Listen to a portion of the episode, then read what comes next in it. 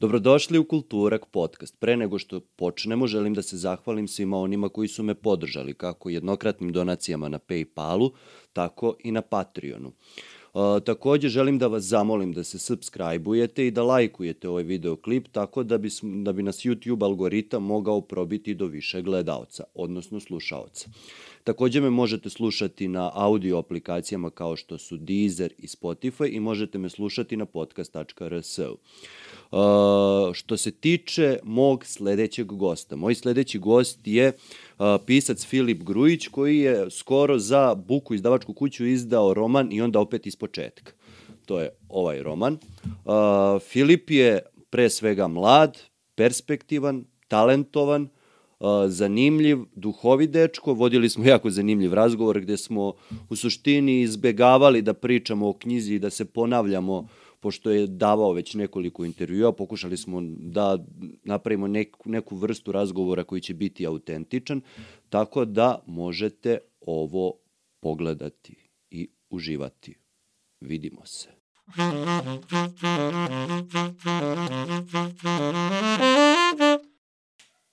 Op, zdravo. dobar dan. dobar dan, dobar dan. Filipe, dobrodošao. Zahvaljujem. Vidim, odmah si se na knjige bacio.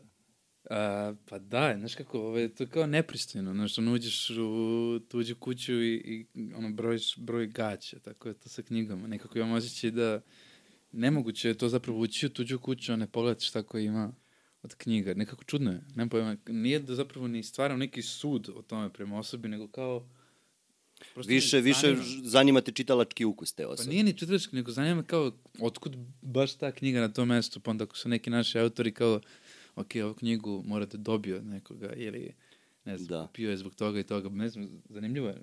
Da li misliš da svaka knjiga ima neku istoriju u suštini koja se nalazi na polici? Pa mislim, sve ima istoriju što postoji, mislim, u smislu... Ali da, to jeste istina, ali da li bi trebala svako od njih da ima neki značaj određeni? Pa ne, ili prosto. Mislim da prosto kao neke knjige Ili neki, neki, postoje, postoje ljudi koji samo odu i kupe knjigu. Pa ja sam siguran. Jer da. kao, mislim, kupovanje knjige i čitanje knjige su dve različite stvari. Uh -huh. Ja radim obe. I kupuješ i čitaš. Pa da, ali, ali ne kao, nekad se dogodi da imam period samo kupovine knjiga. Kada, kada recimo se dogodi neki lep honorar u životu. I onda misliš kao jebate sad ova knjiga, pa ova knjiga, pa onda se pročitaš milijon knjiga o knjigama, onda sam milijon intervjua. Pa I onda shvatim, ja, mislim, ja iskreno mislim da u mojoj biblioteci, ako možemo da nazovemo to tako, ja mislim da um, recimo 70% su pročitani. 30. 70% pro. Pa to je u suštini jako dobar procenat kada A pogledamo. Možda sam slagao, možda dati 60%. Ali, ajde, dok kažemo 60-70%, aj, ne znam sad. Dobro. ne mogu, čak ne mogu ni da, ni da vizualizujem. Ali, da. ovaj, ali mnogo knjiga nikad nisam pročitao. Mislim, koje sam kupio i koje sam kupio sa ogromnom radošću. Da. Kao kupim ih, a onda ima ta neka čudna stvar, a to je a, glupotije.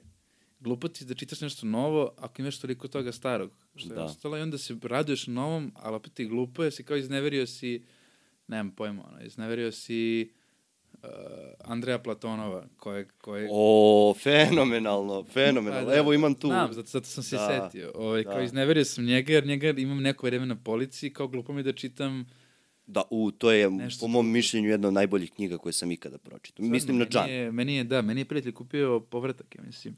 Dobro. Uh, Sad čitam upravo Platonova, zato sam mi rekao. Da. Mi povratak. Um, napisao je posvetu za rođendan mi kupio, napisao je posvetu za tvoju sve dublju starost. pa dobro. Mislim ajde, uhvatit ćemo se toga kada budemo pričali o tvojoj knjizi i o svemu tome. Za početak da ti čestitam izlazak novog romana. O. Kako se osjećaš povodom toga? Pa, prošlo je.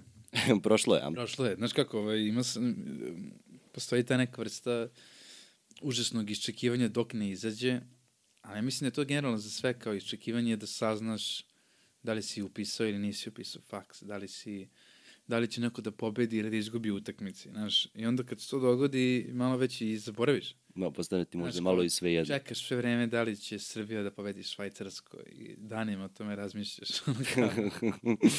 I onda izgubiš i onda sutradan već nikad ne misliš o tome. Ili kao okay. upišeš faks i to postane tvoja nova stvarnost. Tako I je. nema više tog šta će da bude. Roman, kad je trebalo da izađe, ja sam se usrao. Ja sam bio... I, i- inače, nemam taj... Um, nisam imao taj strah od izlaska romana ni, ni za Johnny-a. Tad sam imao neku ekstatičnost s povodom ekstaze. Tačno se sećam Jo- uh, Johnny. Uh, Johnny kad je izašao, um, ja sam bio u, u studentskom domu zdravlja. U studentskom ambulanti je sam upao u neku birokratsku zavrzlamu, a to je e, nisam mogao da produžim, pošto sam, imaš neke redovne preglede ili kako već Dobro, da kao sistematski pregled. preglede Tako je. koje si morao da obaviš u toku, ne znam, jednom toku Jednom godišnje. četiri godine. Ne, mislim tako... Možda čak i nemam, četiri godine. Nemam, zapravo ne mogu se setiti. Ovaj, I ja sam, to je bio 20. decembar, ja mislim, ili 21. decembar, tada je roman izašao 2017. godine, govorimo o Johnny, i sedeo sam u toj ambulanti i kao čekao sam da, da, da, ovaj, da mi urade neke analize, ono, čega god, što ne mogu setiti, gluposti, otvori, kao otvoriti usta, si dobro, dobro si, aj dalje. I tad su mi javili da kao roman izašao ja sam pohitao kao manijak iz, iz ono, iz, iz uh, te ambulante. Ta, ta, ta birokratska zavrzlama je bila zapravo dosta glupa. Ja nisam mogao da upišem, ja, ni, ja nisam mogao da uradim pregled bez valida, bez papira da sam student. Znači, bez potvrde da sam student, ne mogu da uradim pregled. A ne mogu da dobijem... Uh, Papir da si student bez pregleda. Bez pregleda, jer ja sam zakasnio. Ja sam upao u apsolutnu zavrzlamu koja ne može se reći nikako osim da neko prekrši zakon i poveruje mi. Ili da sam student, ili da sam se pregledao. Mhm. Tako da, ovaj, tako je počeo. Tako da nećemo pitati ko je prekršio zakon u toj situaciji. Um, da, ajde kao.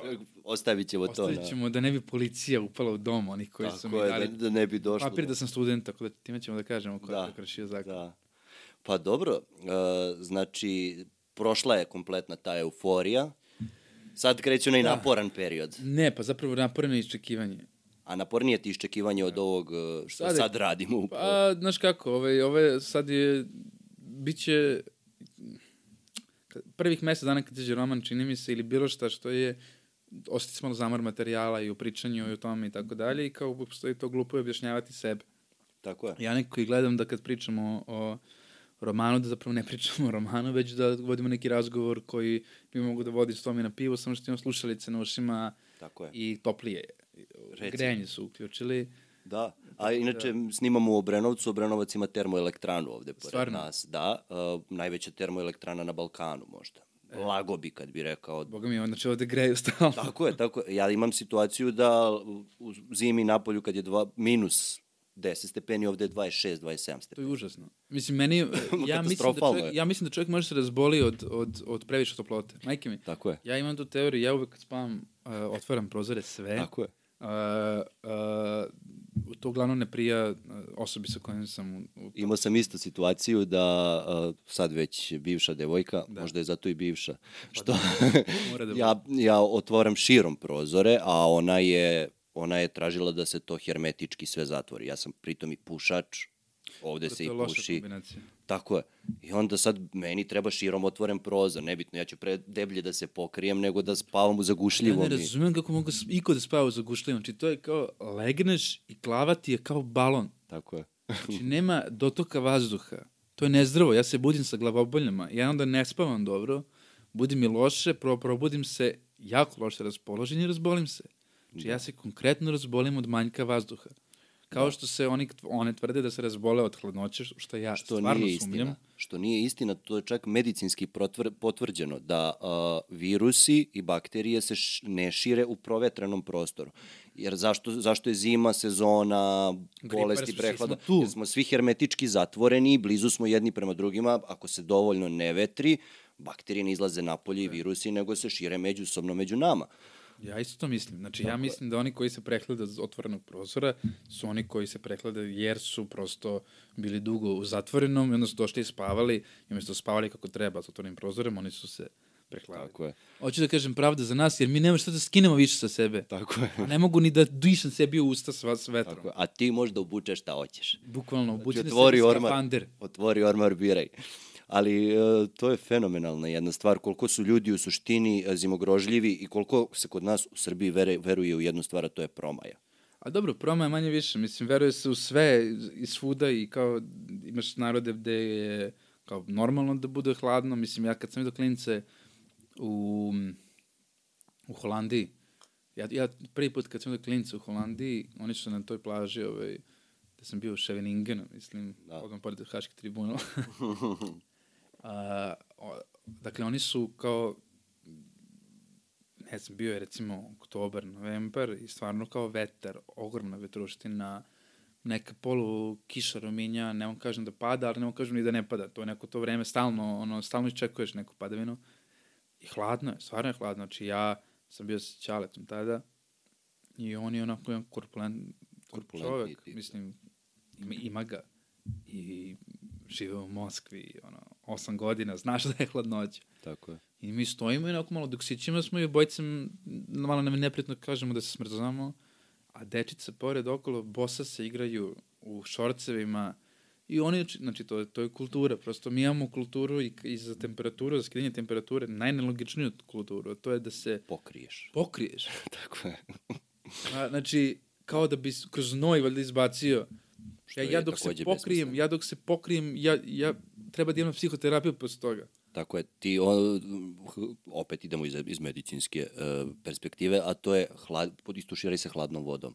Pa da, bilo Tako se najbolje spušta temperatura. Bilo šta, neka, mislim, to je neka čudna manija. Sad, zašto ta manija? Možda smo imali ove restrikcije, struje. Moguće da je to zbog straha 90-ih kada smo imali... Sumnjam, bilo je to i ranije, ali hoću da kažem, imam ne znam, neka poveznica tu i trebalo bi neko da napravi to istraživanje. Ja apelujem na, na ljude koji se bave, recimo, socijalnom antropologijom, da shvate zbog čega mi imamo obsesiju toplotom i zbog čega volimo te debele perjane a, jorgane. Ja se sećam, ja sam bio u Gračanici, igrali smo neku predstavu tamo, pošto, amaterska pozorište, vamo tamo, pošto sam glumio jednom vremenskom periodu u amaterskom pozorištu. I sad, e, to je bio neki oktobar mesec i u Gračanici, koja je nedaleko odavde, je za jedno 10 do 15 stepeni hladnije nego ovde. Mi smo obukli jakne, znači bio je ovakav jedan vremenski period, gde su oni svi išli u majicama kratkih rukava. Mm. Gde se ja bio u fazonu, ljudi kako možete, nama je ovo sasvim normalno. Da. To je, čovjek se naviknu, ali, ali nije kao da mi, dobro, sad da ne dubimo i da ne dubimo toploti i hladnoći. ali, ove, ali to jesu stvarno kao neke te male um, glupe stvari koje razvajaju ljude. Mislim, zbog kojih nastaju neki sukobi. Jer kao ti ako prećutiš to da ti je toplo ili hladno, jednom, dva, tri puta ti postaneš, akumulira se bes, akumulira se agresija prema nekom, akumulira se neka vrsta možda čak i neobjašnjenih poriva da, da s nekim po, po, pokreneš sukob tamo gde ga i nema, a zapravo nisi, nisi ni svestan u tom trenutku da sukob nastaje jer nisi iskomunicirao je toplo ili hladno. Tako je. Mislim, to su te glupe stvari zbog kojih ljudi se zapravo i, i rastaju. Tako pa, nedostatak komunikacije vezano za bilo šta, ajde sad smo rekli da li je toplo ili hladno, to smo uzeli kao primer da. neki jer smo tako počeli ali generalno komunikacija, uh, što više iskustva sa ljudima imam, to shvatam da je s nekim ljudima mnogo teže iskomunicirati što se tiče nekih osnovnih i najjednostavnijih potreba, da. koje se na neki način u toj priči pod znacima navoda podrazumevaju, a ništa se ne podrazumeva. I onda dolazimo do toga da je komunikacija najveći problem u generalno među ljudskim odnosima. U komunikaciji. Tako je, da je problem u komunikaciji. Da. I tome si dosta pričao u novoj, novoj ovoj knjizi, generalno znam da, a, koja se zove i onda opet iz početka. Jesi morao da pogledaš naslov? Da. Ja slabo, ja, ja sam jako slabo pamtim. Nisi jedini, to prosto ne znam šta je s ljudima. E, da, uh, o, ajde, dao si mi odličan šlagvord. Šta je tebi s naslovima? da, je? pa ti, evo, recimo... Ne, ne, ne me čitaš. ne pre 4.30, niti posle 5. 0-0. 5.00, da, napisao sam, nisam napisao, niti posle 5.00 koja je posle toga u ateljevu 212 prevedena pred cvitanje. A tako su, one, tako su one zaključili, ne znam što, šta ako je bila zima. Da. Nije baš za sviće. Pa, recimo. Ne znam, ja, ja, ja stojim da je to dobar naslov. Ne, pazi, meni su tvoji naslovi, naslovi genijalni zato što se ja toga nikad ne bi setio. A ja, e, pa nisam se nija, mislim, ja, ja sam te pričao sa te naslov, to je, to je Knausgor pisao. Da. U mojoj borbi, ja sam parafrazirao, a mislim da je on to pomenuo taj period kao period kada Dakle, dakle ne pre 4.30 niti posle 5.00 je period kada grad spava.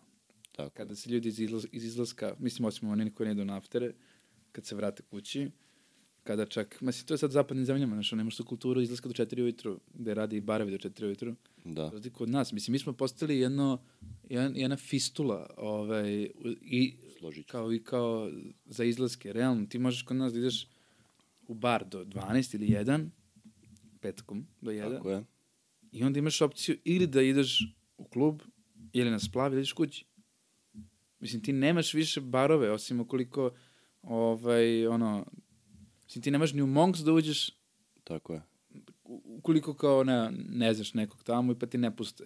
Ne možeš da uđeš ni, mislim, postoji mučni red bar, postoji, ne znam ni sam, postoji kaldrama, mislim, to s kadarlijem, glupi barovi. Tako je. Ti imaš sreću jedino ako poznaješ nekoga u toj kafani ili vlasnika te kao kafane, puste, pa onda pa, te Ali puste. nema to da, da znaš da je. radi. Prosto ne, ti, zašto moraš da poznaješ sve? Zašto mora da bude je. sve na poznanstvu? Daj, brate, koje, koje smo mi to je grad za izlaske kad ne možeš da sedneš nekim popričaš do 2-3 ujutro, ukoliko je izlazak, koliko je vikend. Znaš, mislim, zašto sam počeo ovo? Počeo sam zbog naslova. Nebitno je. Znači, to je period kad se ljudi prosto vrate, a ovi koji idu na posao ne krenu još na posao, pa čak ni pekari. I onda imaš period kada je sve mirno, kada ono, se ni deca na ulici ne čuju, kada čak i beskućnici spavaju, Da. ovaj, kada su ljudi se vratili iz izlaska ili a, a ljudi nisu još krenuli na posao, to je period koji imaš za sebe i za svoje preispitivanje. I to nije predsvitanje, to ne mora da bude predsvitanje. To je period kada je grad tih. To je period kada, kada prosto postoji tih pola sata ukoliko ljudi ne spavaju, pola sata apsolutne tišine.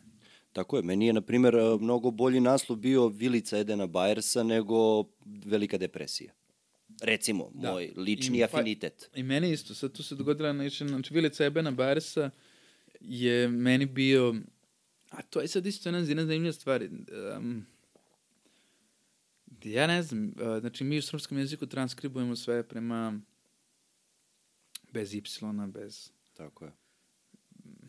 I onda se nekad zaista se po meni izgubi, ukoliko hoćeš da imaš kao, da bude nešto, da ga odaljiš.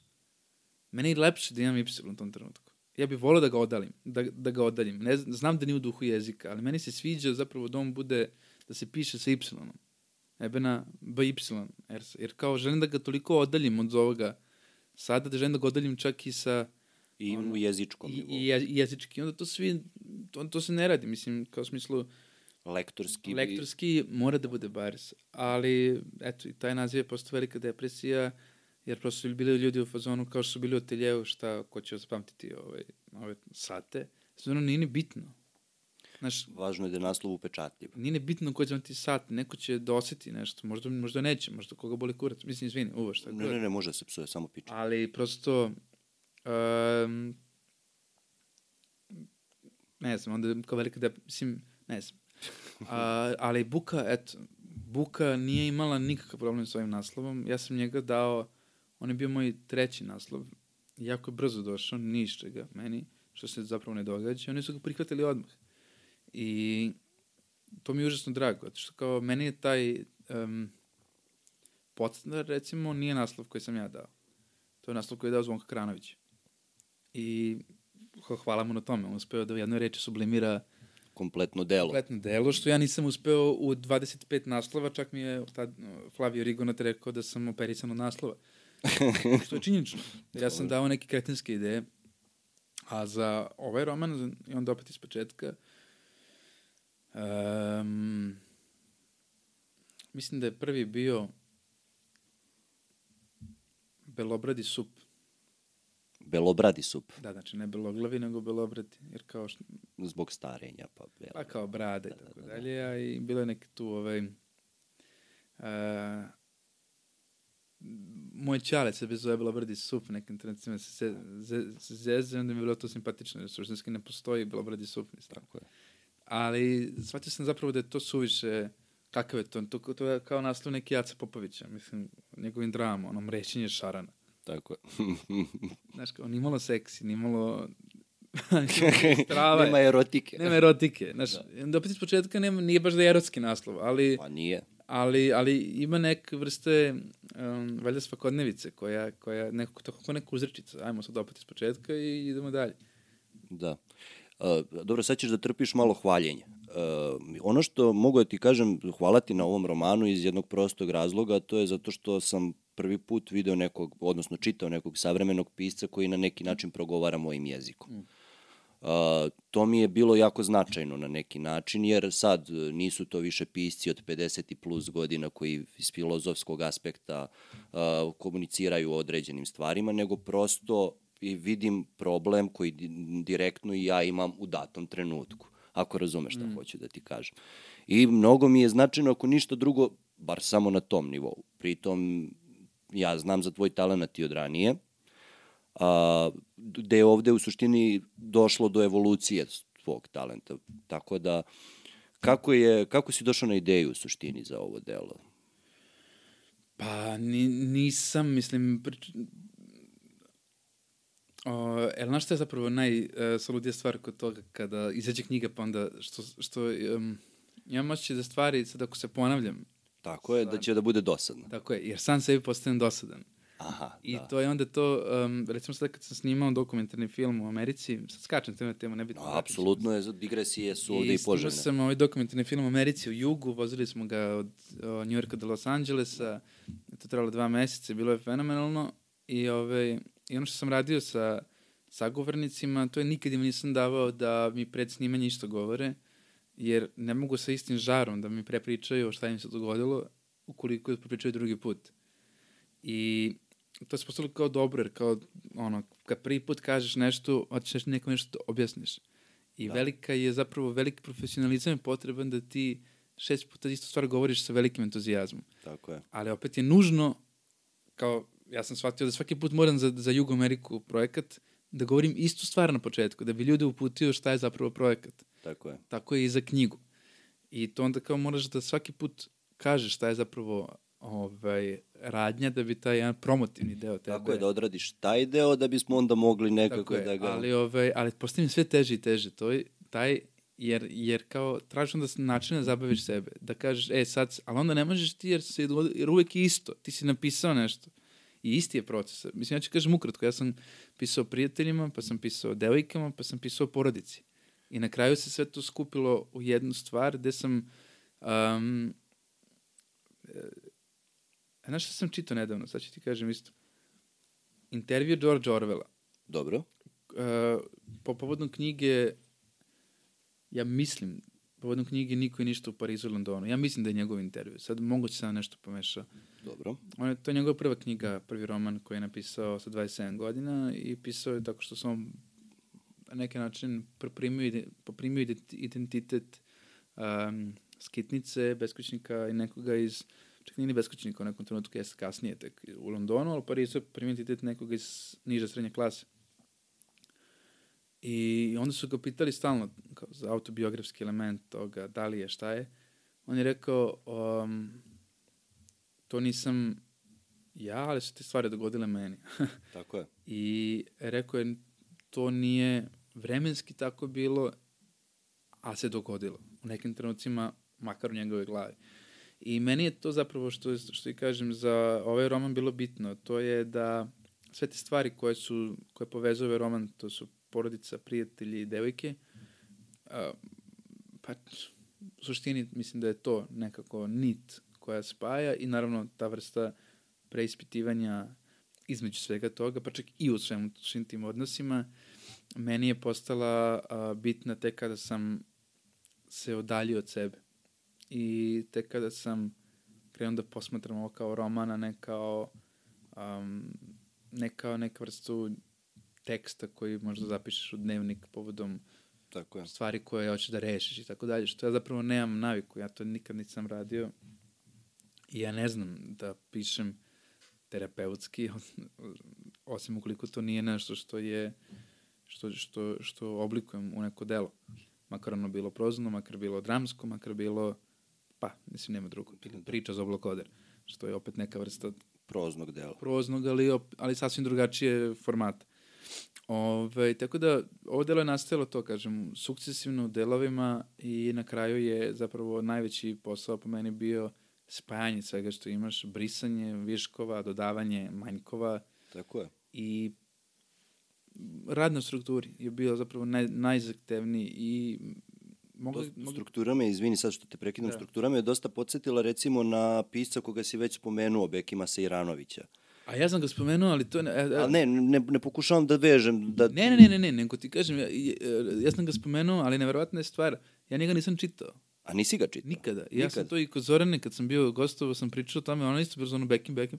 Ja sam rekao, ja ljudi, ja sam njega spomenuo jer je meni e, Zašla njegova... knjiga je tu napisana. Tako je. Zato što, zato što zaista je bila poklonjena jednom čoveku i tako dalje.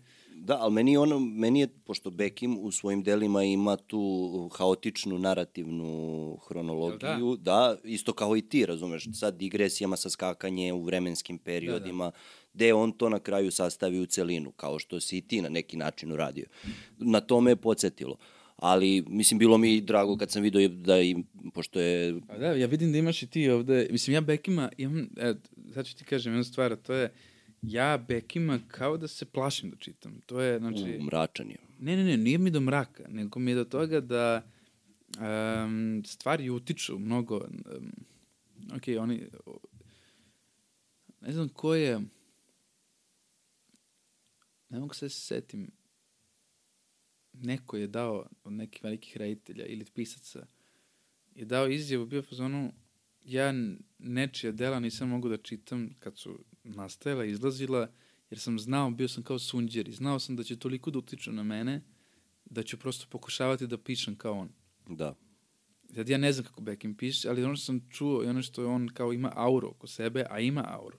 I to je neka vrsta stvarno, sad on ima auru i pre nego što je preminuo, koliko se ja sećam iz, iz prosto onoga kad ga, kad ga vidiš, nekad ga nekako čuješ, kada ljudi kako pričaju o njemu. Um, to je kao neka vrsta aure oko Valjarevića isto, samo što sam Valjarevića čitao u svom um, čitao sam ga od starta, mislim, ne, ne kao od 94. da nisam postao, nego od starta mog, moje čitačke karijere.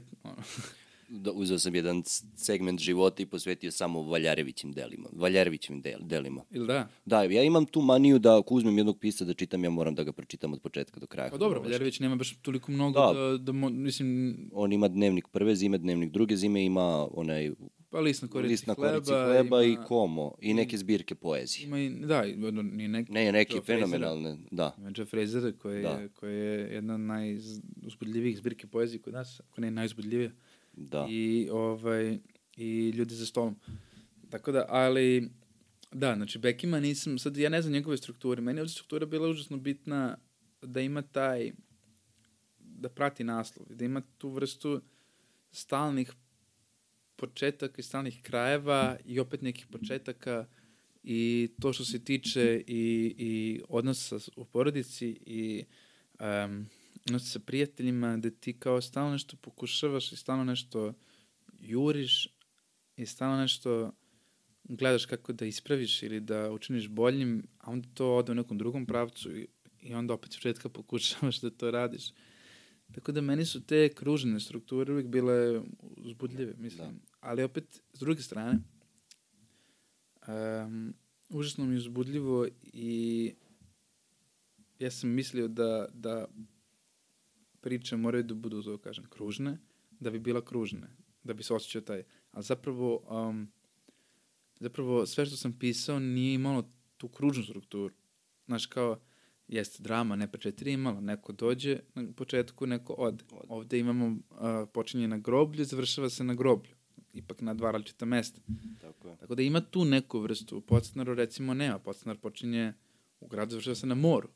Da. Ali volim te krajeve isto koji se ne završavaju gde priča počinje. Nego kao da otvaraju neko novo poglavlje na kraju. Koje uvek može da, da onda da pređe čak u novu priču u drugi deo. Mislim, ne kao da hoće pričati na druge delove, nego za sada, mislim, čini mislim da ima vezi sa mladošću. pa sa putovanjem na neki pa način. Pa da, i kao vratiš se kući, ali nije meni povratak kući uh, kraj.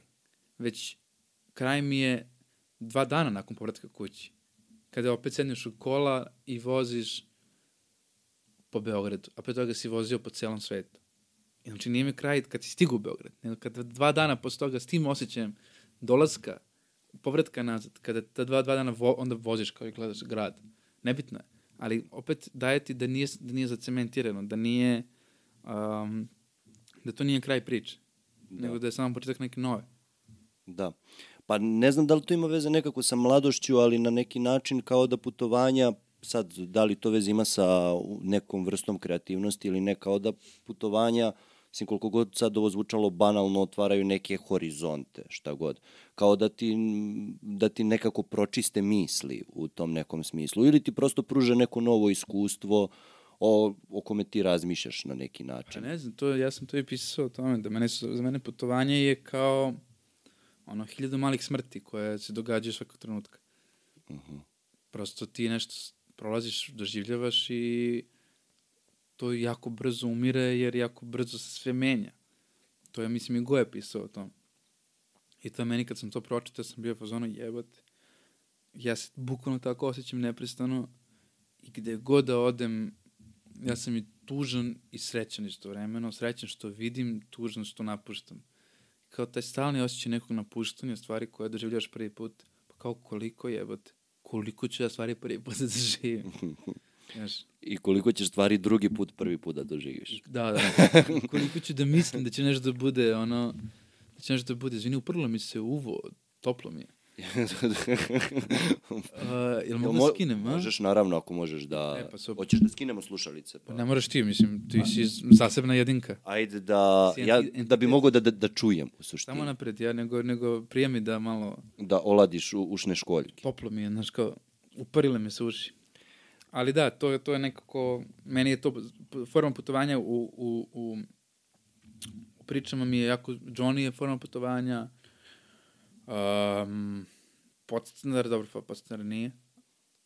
Ovo je isto ima neko putovanje na kraju. Nekako putovanje mi je užasno uzbudljivo, zato što mene najviše kao čoveka me radi to da stalno negde odlaziš, stalno se vraćaš. Da ali to je zanimljiva stvar uh, zato što mi imamo uh, neki osjećaj da kada idemo na već neko mesto koje smo videli da ćemo da ćemo na neki način možda ponoviti doživljaj koji smo već imali, ali ja svaki put kad odem na isto mesto doživim totalno neku drugu perspektivu. Da li je to zbog uh, distance, iskustva ili čega god, ali svako putovanje gde god otišao je neko novo iskustvo za sebe. A bilo šta, mislim, kao da ti ja sad pričamo sutra opet ovde drugačije bi bio, ja bi druga, došao iz neke druge energije, ko zna šta bi mi se dogodilo ono, tokom ove noći ili sutra ujutro, možda bih imao neki razgovor koji bi me poremetio, možda bi imao neki razgovor koji bi mi dao neki, ono, neki vetar u leđa, kao, wow, neka ekstaza. Mislim, ono šta, šta ono, ko ono kaže, onih pametnjakovića grčkih, ne možeš isto rekao dva puta ući, ili tako, ono, mislim da je Herodot, tako. Ja, ja mislim da je on, nisam siguran, ali verujem da će nas ispraviti neko ko zna. Da.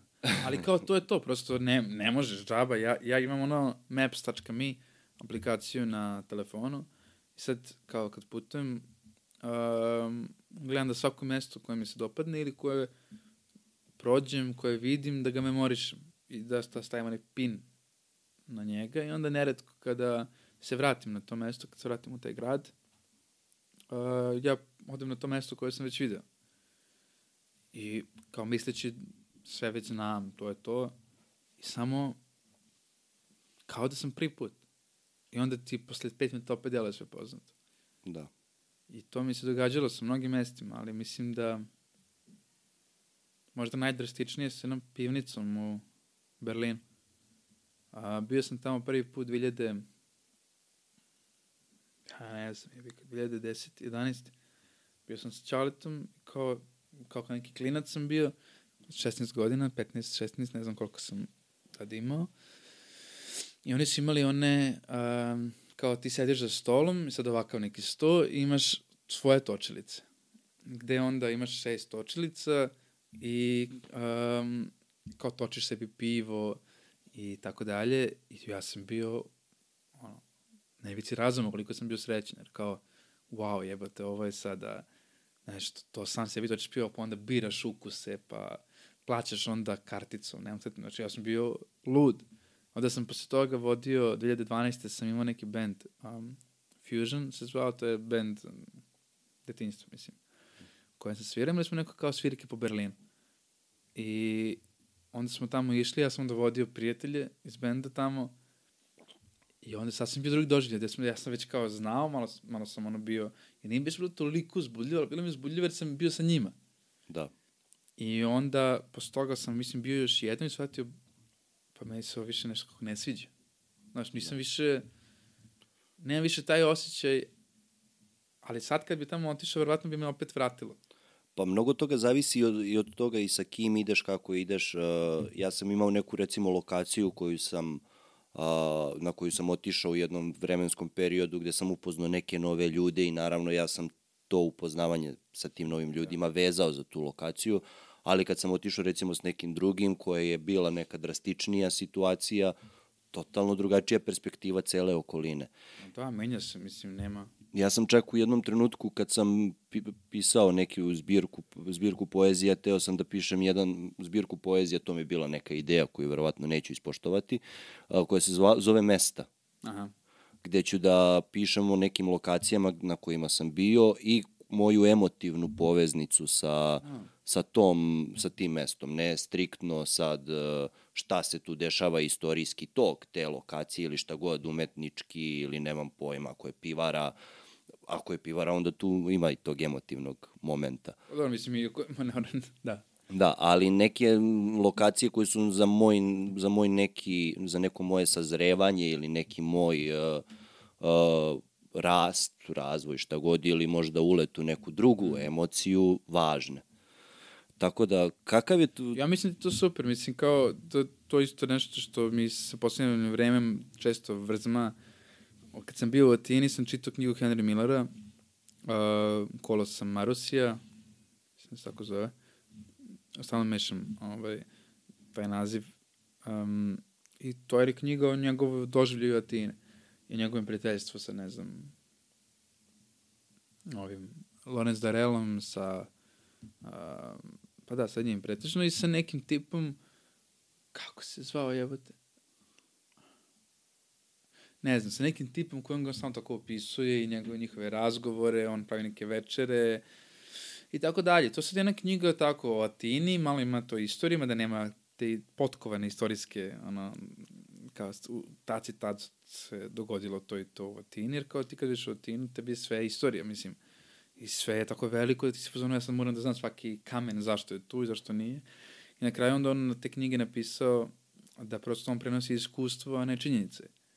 I to je, time se bavi. On se bavi da pokuša da prenese iskustvo njegovog odlaska u Atinu. Da. To što ti kažeš za mesta, mi sve što radimo, osim ako nismo istoričari, ili osim ako nismo uh, arh arhivatori, ili osim ako nismo, um, ne znam, ona, mislim, na, na kraju čak i istoričari imaju svoj doživljaj. Tako je. Čak i arhivatori ne mogu toliko da imaju mislim, ne bi trebalo da imaju, ali imaju. Mislim, svi imamo na kraju neki svoj upliv ono, naših osjećanja prema tome. Ali pogotovo kao ukoliko ne pišeš stručno teorijske knjige o istoriji nekog mesta, ti si jedino što radiš je prenosiš iskustvo. Tako je. Pa to je ono, sad ja sam nazvao jedan segment, opa, u sledećoj zbirci koju pišem, mesta, koji, se go, koji govori o nekim mestima koji su meni važni iz odrastanja, mm. koji se ja sećam sad, koje, na koje su, koje su na mene uticali vezano za moju porodicu i neko moje porodično nasleđe da, da. I neke moje nasled, na, traume koje se nasleđuju generacijski uticale na mene, ako razumeš šta hoću da ti kažem. Pa da, to, mislim, ali to je zanimljiv princip generalno književnosti. Mislim, do, do Vlatov je pisao kofer da. sa stvarima koje je poneo u York, koja svaki ima svoju priču. Da. Mislim, kao, prosto, sve ima svoju priču. Da. Što ti pitaš za knjige, da svaki ima svoju istoriju. Mislim, na početku si to pitao. Tako je, tako je. Ima, mislim, samo što neki imaju manju, neke veću. Pa i te im, koji imaju manju pitanje je šta je tebe dovelo u tu situaciju da se ta, ta knjiga završi kod tebe na, na, na, na polici. A to, mislim, ja euro kad bih trekovali svaki korak unazad, mislim da bi poludili na kraju. Pa, ali dođe se u situaciju da ponekad pomisliš na to. No. Tako. Uh, sad, šta tebi predstavlja u suštini more? Šta je za tebe more kada bi mogao... More? Misliš, da. zbog podstanara? Da, da. Pa ne znam ništa, mislim kao za mene more... A,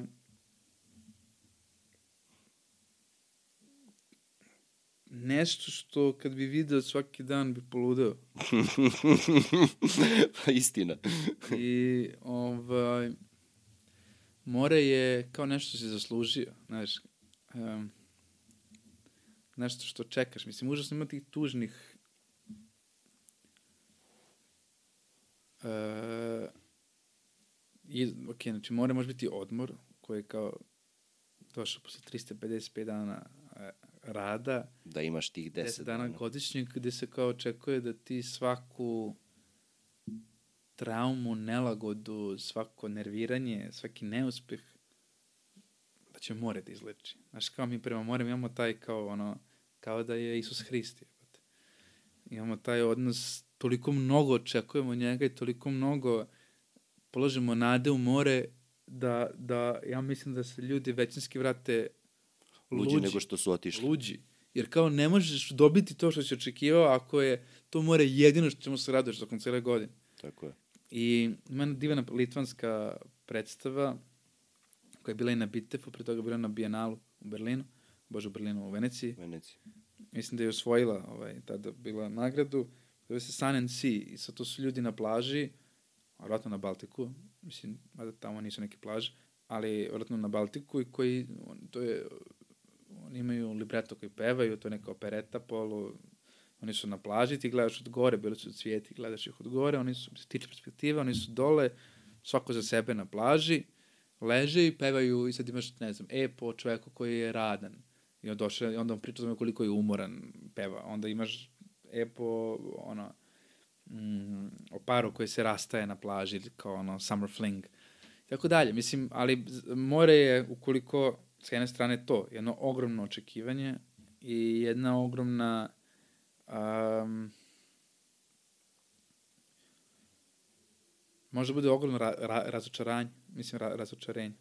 Tako je. Ali, ali, s druge strane, um, ukoliko ono stalno tu, onda je prosto ono, deo tvoje svakodnevice i više nema tu magičnu, jer ti kad vidiš more prvi put, ti si ono, more, to je to, stigo sam. Ništa više nije bitno, ali kao vidim more. I sad ja sad se vratio sa mora, mislim sa mora, bio sam dva dana u Rovinju. I um, zaista ima tu neku isceliteljsku moć da, makar da dovoljno ti da ga vidiš i da se osjećaš bolje makar na jedan dan. E sad, što drugi dan dolaze sve drugo na naplatu, Tako je. što opet se vraća život, to je druga stvar. A za mene, eto, kad bi sve rekao za mene more, za mene more nešto daleko, to valjda što sam iz Srbije, pa nemamo izlaz na more, pa svima nama iz Srbije ono more nešto što je misleno imenica. Ali za mene to nešto što je daleko i nešto što, kad bi bilo stalno blizu, bi bilo problematično. imam neke rođake u Rijeci i sad kad smo mi bili kod njih, e, sad oni svaki dan idu s nama na plažu, vodaju nas do Krka, vamo, tamo. I uh, on na, ja se sećam da se taj rođak, odnosno od moje sestre, suprug, smorio u jednom trenutku i kao, pa što se smorio na plaži? Kaže, pa meni ovo more više nije zanimljivo, meni bi draže bilo da do, do, dođem kod tebe na Savu i da se okupam u Savi.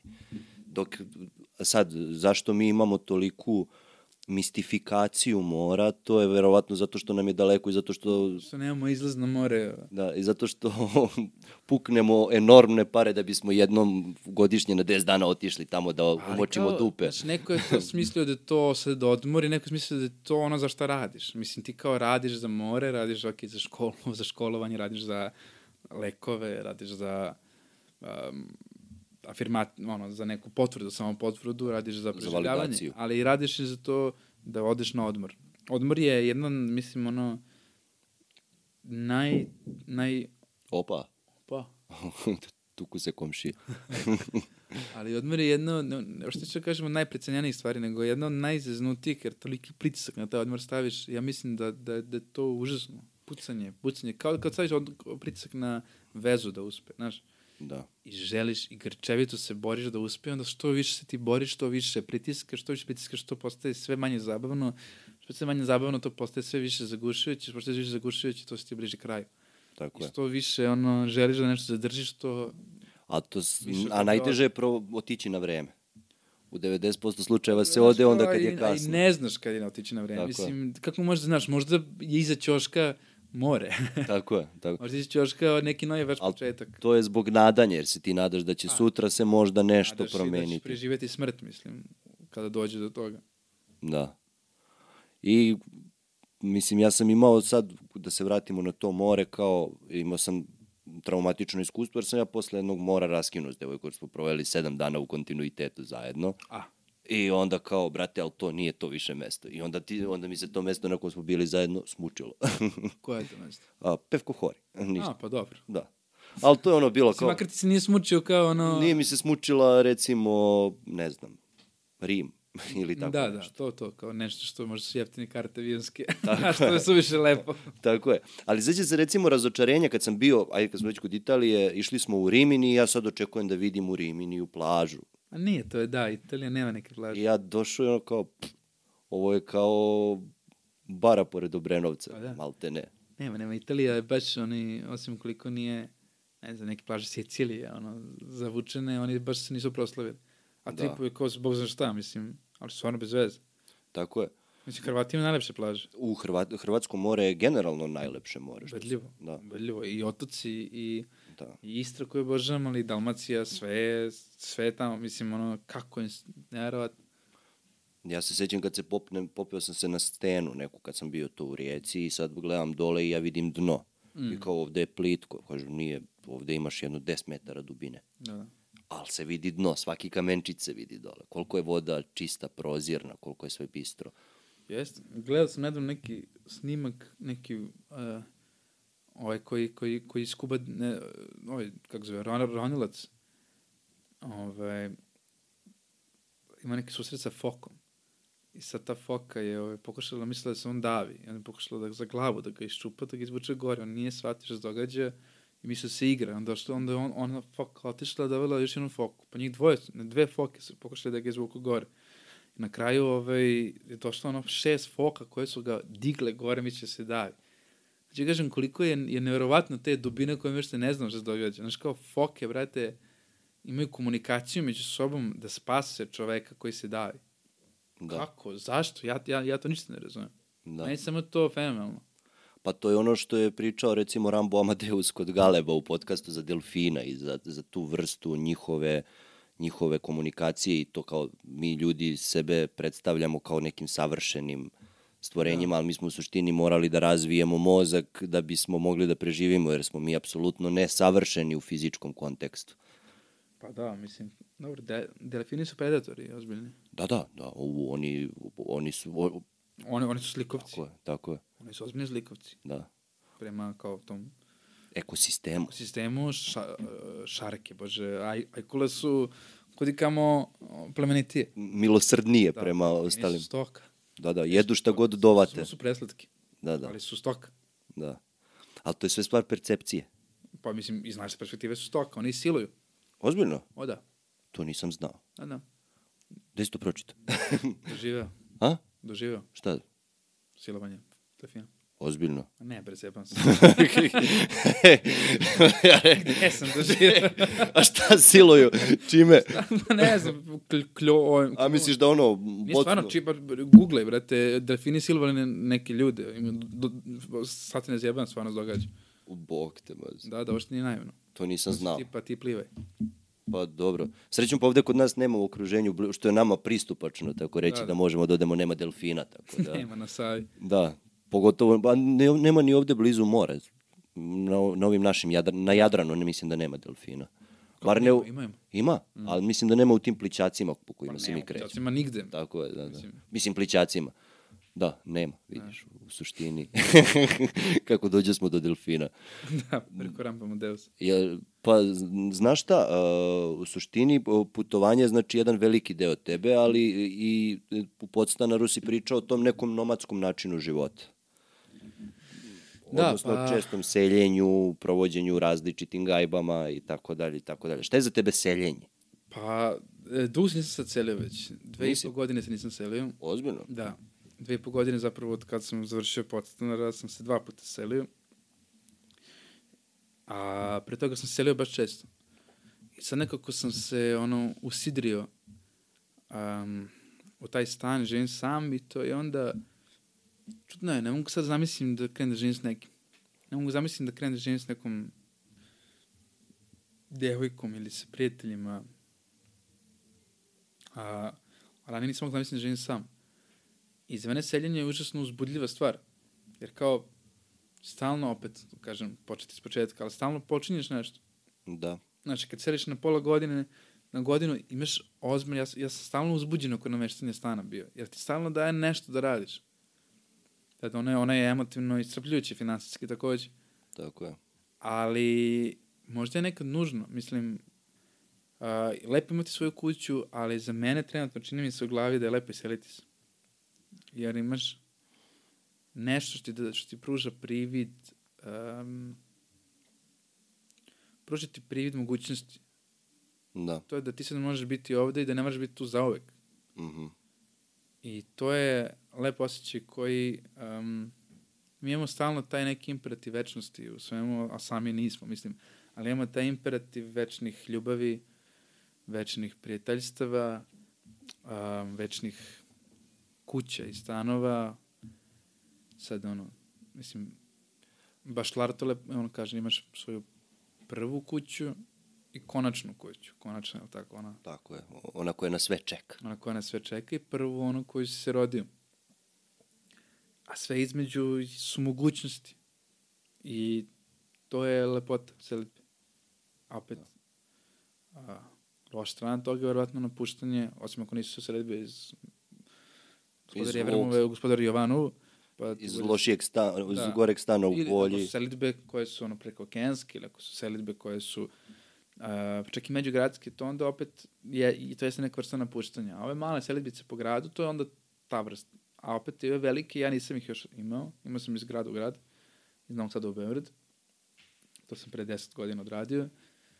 I ne znam, nadam se da ću u životu imati selitbu i u neku drugu državu. Iskreno. Znači, Planiraš nešto ili... ne planiram ništa, ali se nadam. Mhm. Jer, jer mislim da a, ceo život na jednom ili na dva mesta um, trenutno mi se ne čini dovoljnim. Ne življenja, mislim da je sve dovoljno življenja, Da. nego dovoljnim kao žele bi da probam. Žele bi da vidim šta znači to da, da odeš u zemlju koja ne koristi tvoj jezik, iako se jezikom bavim. Znači, ranije me to strašno plašilo, sad me strašno uzbuđuje. Mhm. Kako, si- kako je došlo do te evolucije iz osobe koja ne može da bude sama, da je počela da sad toliko ceni sobstvenu samoću? Pa mislim da je to ta stalni... Um, mislim da su raskiti na to uticali, znaš. Mislim da je a, posle mog prvog raskida, kažem većeg, sam jako brzo ušao u drugu vezu i onda a, zapravo nisam bio sam. I nakon tog drugog velikog raskida je meni došao period samoće kojeg sam se ja verovatno plašio, nisam odvojen sam. Ali sam nakon toga tek zapravo da vratno dobio ono što sam trebao da dobijem nakon tog prvog raskida, što, što, što je, a to je upoznavanje sebe. Ja nisam sad neko ko zna sebe. Ja sam sad neko ko je dobio priliku da upozna sebe. Koji je dobio priliku da upoznaje konstantno Da. sebe. I, I ja ne mogu da kažem da sam sad, da ja sad mogu da budem bolji dečko nego što sam bio nekada mogu, u nekim segmentima, nekim drugim vjerojatno ne, ali, ali mogu da kažem da uh, makar znam što to znači živeti sam. A to znači da ipak si sam svoj gospodar, u smislu znaš a, šta ti prija, znaš kako voliš da spavaš i znaš da imaš prostor gde da odeš. Da. Zato, sad, mo, moja mama nikad nije živjela sama. Živjela je ili sa porodicom, sa tatom posle, nakon što je majka preminula, a, pa sa mojim ćaletom, pa kad su oni rastali, um, sam već bio ja tu, znači opet nije bila sama, bila je, uh, pa onda došao moj očuh, uh, ok, onda je otišao, pa mislim, pre toga se uh, rodio moj brat, ali nikad nije iskusila sam život i dalje žive eto, sa mojim bratom, uh, živela s mojim drugim očuhom, moj dede, moj, dede, moj dede je tu i dalje kao neko ko se pojavljuje, iako ne žive zajedno, ali ona ne zna šta znači to imati svoj stan, iako ima svoj stan ceo život. Tako je. Mislim da zapravo mnogo ljudi to ne zna. I mislim da naša generacija sve više i više živi sama, a generacija naših roditelja mislim da su jako malo živali sami. Pa oni su na neki način iz porodičnih domova faktički ulazili u brakove i u neke... Ulazili u brakove, ulazili... To je situacija kao i sa mojim roditeljima Da. i tako da on, mislim oni nikad nisu imali da li finansijske mogućnosti ili svašta ili tako Ali nije to bilo ni, ni, ni, bilo ni u svesti. U svesti, Tako znaš. je. Mojim roditeljima ne žene. Tako je, moji roditelji ne mogu ni dan danas da se pomire sa tim da ja i dalje ne živ, da ja ne živim sa njima u kući. Da. Da, njim, za njih je odlazak iz kuće porodične katastrofalan, da ja bacam određene pare na kiriju na mesečnom nivou, a to mogu da ostavim sa strane, pa da uradim ovo, pa da uradim ono. U suštini ti nikad te pare ne sačuvaš sa strane. Tako, to ono kao predstavljeni da pušiš, čuvat ćeš Tako za. Ferrari. A u suštini ti potrošiš samo te pare, uliješ ih Da. u nešto drugo. Ja ne pušim, pa opet nemam para. Tako je. pa ja u periodu kad sam prestao da pušim, samo sam više jeo, tako da su te pare otišle na hranu. Je, koja je trenutno skuplja nešto. nego cigare, recimo. A dobro, nije baš cigaret su dosta skupe. Jesu, jesu. Ekstremno. Tako da, ali oni nisu, nisu osetili taj samostalni život i tu Mhm. samoću i ja gledam koliko je njima problem. U suštini njihov, o, e, to što sam ja otišao iz kuće, to je neko moje mišljenje, nije njihov strah od, za mene kao mene. Jer ja ću se snaći po defaultu, nemam izbora nego da se snađe. To je više strah za njih, kako će oni sami, bez mene. Da. To je šta, šta da rade bez ono kad im ode dete. Mislim kao kako sad pro, provoditi život Tako je, kako da se fokusiraju sami na sebe, jedni na drugo, i bez fokusa i onda naravno fokus na mene ne prestaje u nekom drugom kontekstu, sad je više onako virtualan nego što je bio Da, da. pre. Ali, Da, ali to je, um, mislim da ono što kažu, kad jednom odeš, prosto si uvek otišao. tako je. imaš uvek neki period koji si propustio. Kad jednom odeš iz nekog grada, kako god se vratiš, osim ako nisi se vratio, um, ako nisi bio na 10 dana negde, nego mislim na duže. Znaš, ljudi se vrate u svoj grad, ali, ali izgube, neko, se, ne, neko ode sa 28 godina, pa izgubi cele 30. negde. Neko ode pre faksa, pa izgubi, ja recimo sam iz Novog Sada. Dakle, ja sam otišao sa 19 uh, na fakultetu u Beograd i tam, studirao sam ovde na FDU i ostao sam ovde sve nakon toga odnose, sve veze koje sam imao su bile beogradske. Svi prijatelji su, kažem beogradski, ne mislim da su ljudi iz Beograda, nego mislim da su Da su bile stacionirane u Da. Beogradu. I ja nemam nikakve više, ja, ja, ja ne znam šta je Novi Sad, jer ja, ne- ja Novi Sad od mojih 20-ih ne znam. Znači, to je grad koji je za mene sa 18 godina prestao da postoji kao moj, osim što s- imam porodicu. I to je uvek jedan deo. Znači, moja porodica je Novi Sad. Tako je. Ali taj grad nikada više ne može da bude moj, jer deo mene ne, nema. Kao što ni Beograd nikada ne može da bude grad mog djetinjstva. Tako je. Jer ja ne znam šta znači odrastanje u Beogradu, ja ne znam te toponime, ja ne znam šta znači ići u školu u Beogradu, koje su to mesta, um, koje su to, ono, ja znam u Novom Sadu mi smo blejali, ne znam, kod, to se Zište se zvalo, pozorište, znači tamo su kao, ne znam, skejtove i malo ono alternativci. Kod Srp- Kod kod SNP. SNP. Mhm. I tamo smo kao, pa smo pleli u Porti. Znači, to su mesta koje ja znam, ali ja to zapravo nemam s kim da podelim u Beogradu, jer mi nemamo zajedničko odrastanje toga, a u Novom Sadu nemam zajedničke izlaske 20 godina. Nemam, pro, pro, prosto nemaš. Izgubiš tu vezu. Ja sam sa 15 godina krenuo u srednju školu za Beograd. Sad Obrenovac koliko god jeste ob- Obren, Beogradska opština, on je na neki način i distanciran od Beograda zato što sve što imaš, imaš ovde, ne, nemaš potrebu, osim ako ne ideš u bolnicu ili, nemam pojma, u pozorište da ideš u Beograd. I sad e, taj kontakt sa Beogradom i sa tim, totalno, sam, totalno su bila različita i ponašanja i iskustva u odnosu na decu koja su odrasla tu, išla u srednju školu, u osnovnu školu tu. Moj sada najbolji prijatelj koji je odrastao na Novom Beogradu, on nije znao, on je znao da dođe od stana do ušća i to je to. On, ali on je imao svoju neku ulicu, oni su blejali tu kod opštine, blejali vamo, blejali tamo i oni su taj svoj kraj, a to je njegovo detinstvo. Njegovo de- detinstvo je bazirano možda na ušće i na taj svoj kraj gde je odrastao, dok moje detinstvo je na Obrenovac i određena mesta i lokacije na Obrenovcu. Ali onda posle počinjemo pravimo neku zajedničku priču koja ide uh, koja, koja se dešava od našeg tog uh, početka druženja. Mm. Tako da, mislim, u suštini sad uh, ta razmena iskustava, nekako ja sam u tom trenutku, da, on je izuzetak od toga, se više snalazio sa ljudima koji su došli iz neke periferije, odnosno više sam se slagao i nekako ulazio u neku, neki kontakt, nego sa ljudima koji su odrastali u Beogradu. Pa jest. To je, mislim, Be- Be- Beograd je ogroman, mislim, ogroman za standarde Srbije. I onda kao, prosto, Brenovac je, ja sad sam dolazio s mapu. Da.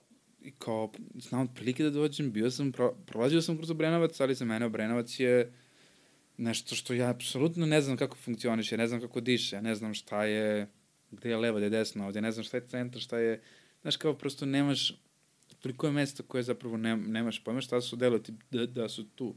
Tako. Ja, ja ništa ne znam kako funkcioniše ovde. Da.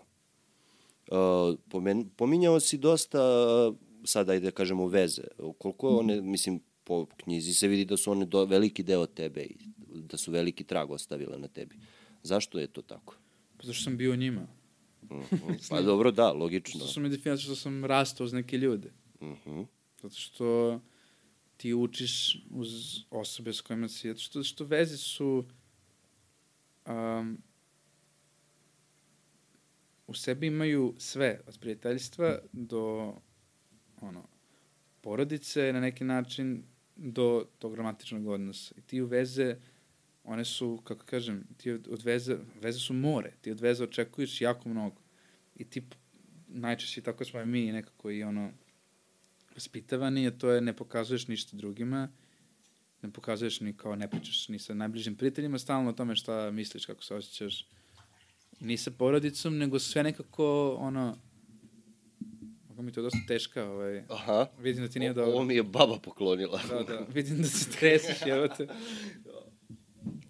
Ali, ovaj, Nejakost. neko, vidim drhtiš.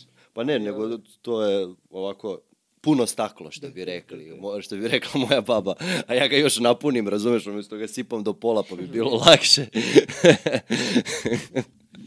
Da, ali eto, to je, znači to, u, u veze polažeš nekako tradicionalno sve, od svih priča koje želiš da podeliš, do a, svih tvojih nekih emotivnih previranja, do najveće nesigurnosti, sve to su vezama ispoljava.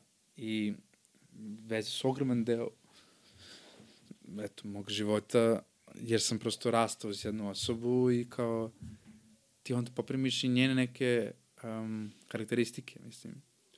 Me- Krenete da ličite. da. A mislim da je toga najteže se možda osloboditi. Pa da, kažu da za vezu je potrebno pola vremena provedenog zajedno. Znači, ako je veza bila dve godine, znači godinu dana da bi se oslobodio svih tih. Ja, mislim mislim stupa saravanja, ali Pa, mislim, s- suštini može da bude kako god. Ali to su kao neke, ovaj... Ne znam, znaš kao... Um, ja nekada ne mogu da se setim sebe u tim vezama, na primjer. Ne mogu da se setim... Ja znam, mogu da porađam hronološki šta se događalo, ali ja se ne sjećam kako i zašto sam reagovao na određeni način.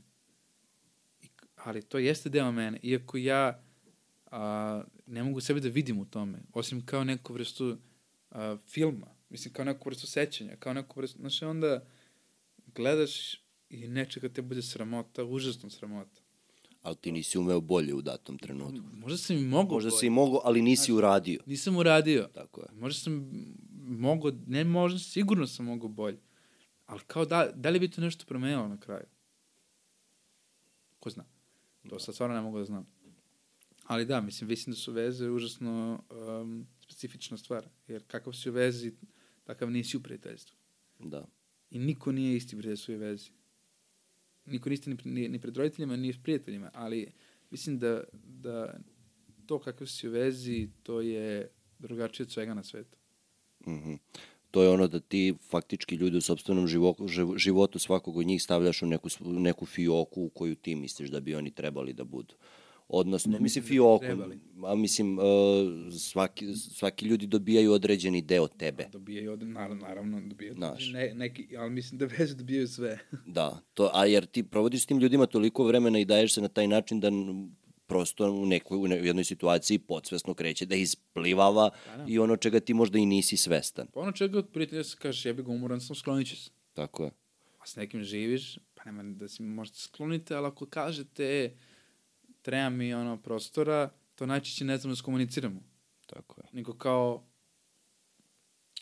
bleć tu s nekim, prenosiš negativnu energiju, jer tebi treba prostora, a onda misliš da svaki prostor je neki raskid, pa se onda strah od toga da kad se vratiš ta neka osoba neće biti tu, pa to onda stvara. Mislim, to je sve na velika pizdarija. Mhm. Da li misliš da, li da su ljudi monogamni ili poligamni? A ne znam ti, ne znam. Pošto sam ja pričao sa nekim sad drug, drugaricama koje su, jedna je sociološkinja, druga je antropološkinja, i sad to je bio naravno fen, fen, ono, razgovor na nivou biologije, da smo mi ljudi uh, poligamna bića, monogamija je stvar izbora, ne znam, Da, sad, da li je to stvar izbora? ne znam. To je odgovor na koje ja ne mogu da dam pitanje, baš ne mogu da dam pitanje, ne, ne mogu da odgovorim na to, jer se i sam to pri- preispitujem. Ne znam, znači kao, Da li to zavisi prosto od faze? Da, kao, Ne znam, ne znam. To je, to je, to je stvar na koju ja nemam nikakav odgovor. Ja mogu da, da razmišljam o tome, ja mogu da pišem o tome, ali, ali kad dođe do toga, ti si fazonu svaki put zbunjeno.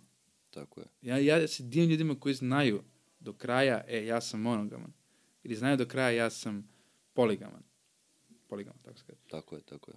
kao ljudi znaju, kao kako vrate znaš, onda sam pričao nekim prijateljima koji su nekim to ono poli, poligamnim vezama, poliamoričnić, kako se to već zove. I kao, oni funkcionišu, oni su u vezi, ali kao, oni kaže, nikad mi nije sve jedno. Znaš, iako su mi se dogovorili, iako su oni u poligamnoj vezi, nikad mu nije sve jedno kad čuje da neko spava sa njegovom devojkom. Ali on nema problem sa tim da uradi isto to. Pa Mislim ne da, znam. da Moguće da nema, mislim... Mi, ne znam, mislim da neki ljudi su zaista... Uh, ume se vidi objasne više stvari ume možda da se neki hokove izbace. ili možda, pošto prosto neki ljudi ne pokušavaju sebi nešto, neke stvari da Pa objasne. Da, a i neki, a i neki ljudi ti zovu određene emocije. Neki ljudi ti zove emocije da želiš da budeš s njim u monogamnoj vezi. Neki ljudi ti zove emocije da želiš da budeš u poligamnoj. Znaš, mislim da je to isto, samo što mi se stavljamo neke okvire kojih onda slepo držimo i paterne za sve ljude. Kao da nemamo, kao da su ono, mi smo takvi i to su naše razmišljanja i nebitno je ko je s druge strane.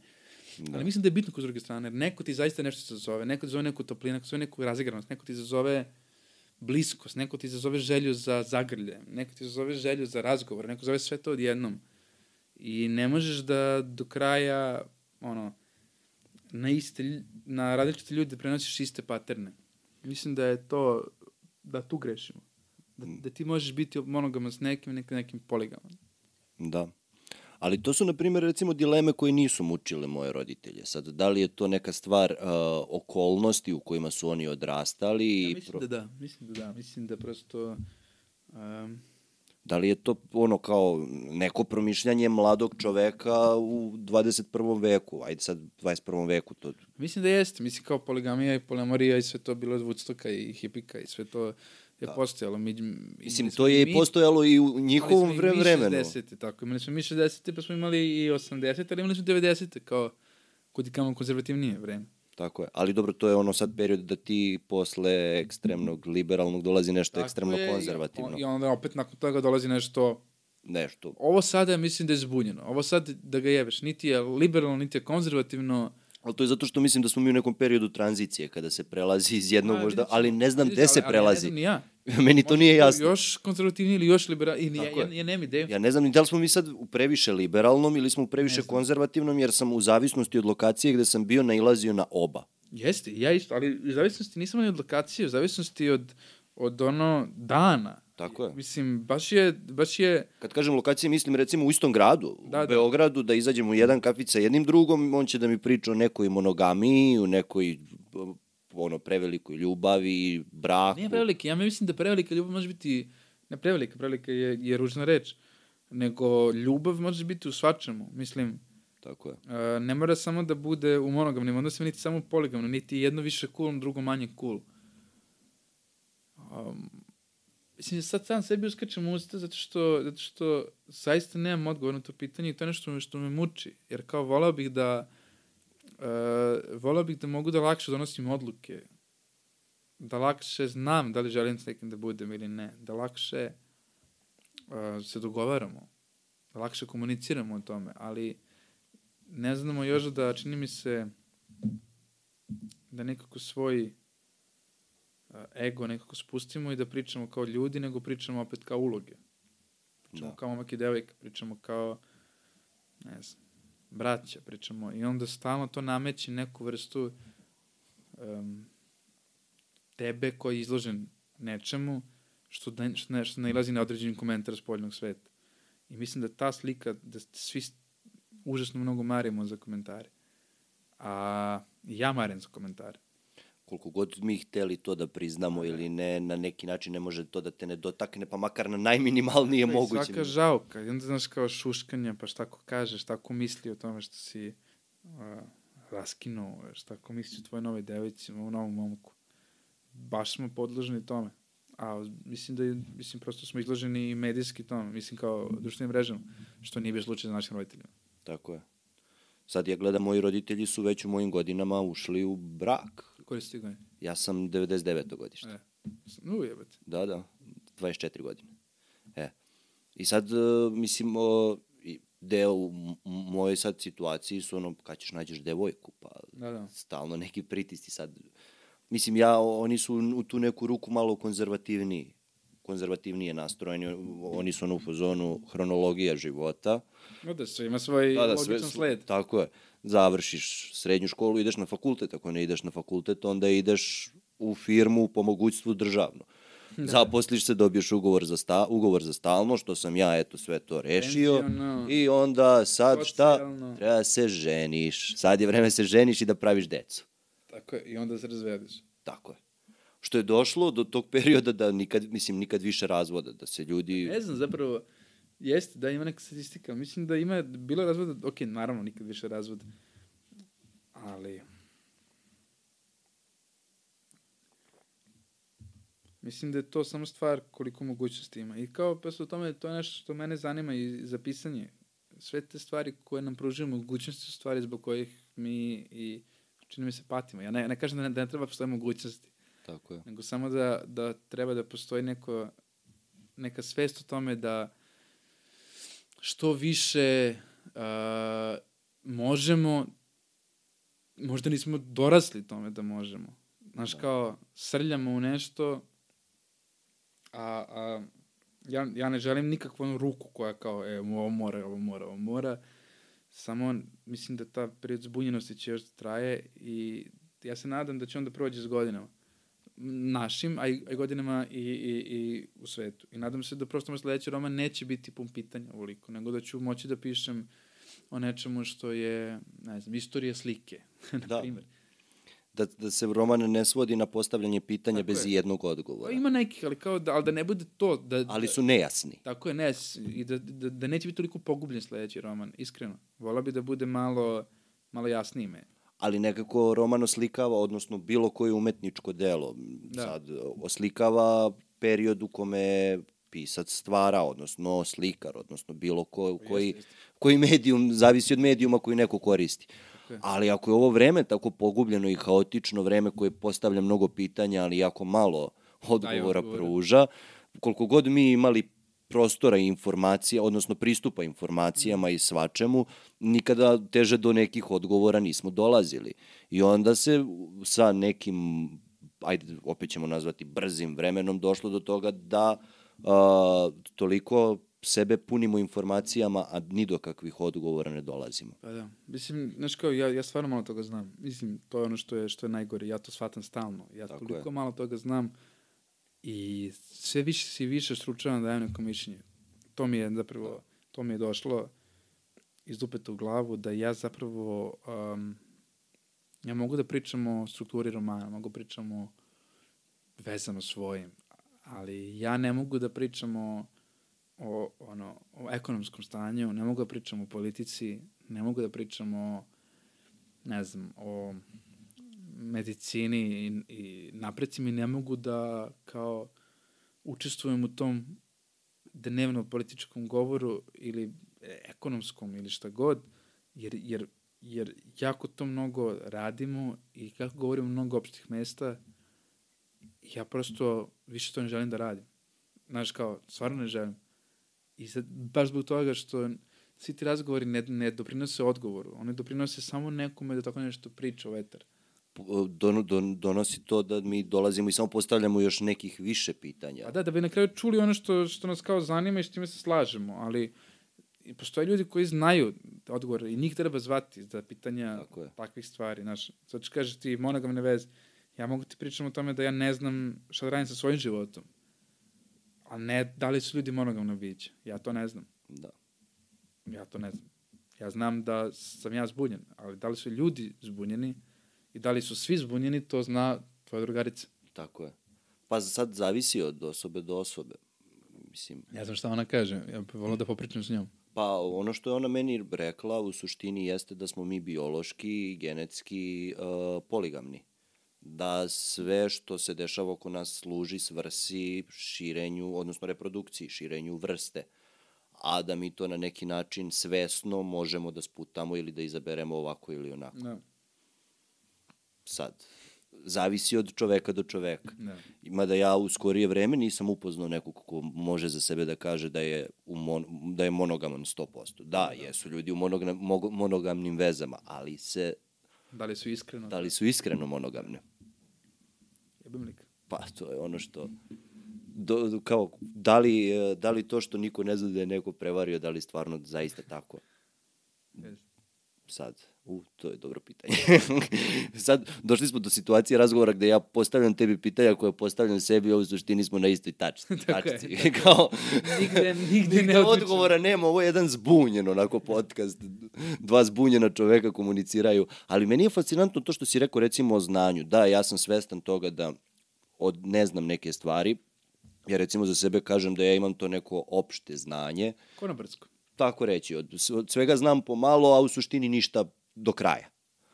Previše za, za pijan razgovora, premalo za treznu karijeru, kako je rekao je. Srđan Dinčić, Da, da. uh, stand-up komičar. I sad ja to mogu da uzmem u formi podcasta, da dovedem nekoga na određenu temu gde ću biti sposoban da mu postavim određeno pitanje mm. na neku stvar, ali da ja sad produbljujem to do detalja je suludo i iluzorno. I Yes. sad kao, to je neka moja glad za znanjem da ja dovedem nekog pametnijeg od sebe, pa da on meni nešto objasni. Zapravo, pisci ima najmanje toga da kažu. To je ono Tako što je. je... Pisci su najdosadniji gosti podcasta, generalno. Tako je. A, zato što, zato što ljudi mogu da ti pričaju o fascinacijama astrofizike i da svi slušaju uzmano genijalno. Jer ja isto slušam, ja, ja ne slušam pisce. Da. Evo, sad sam slušao Valjarevića. isto, isto. I meni je super on. Valjarević mi je super, ne, ne, zbog toga što on ništa pametno rekao, ništa nije rekao, ali je rekao, ali je to toplo pričao.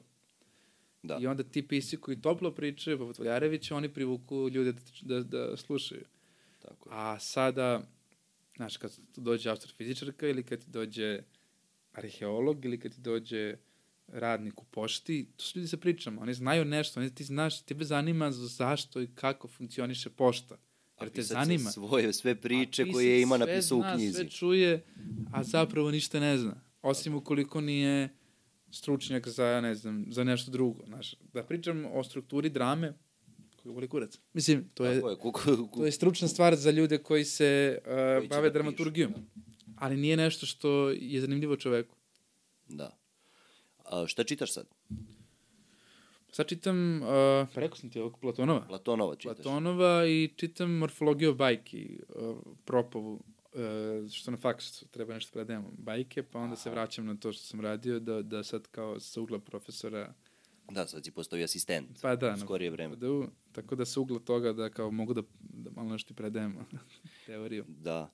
A, kako ti se čini Platonov za sad?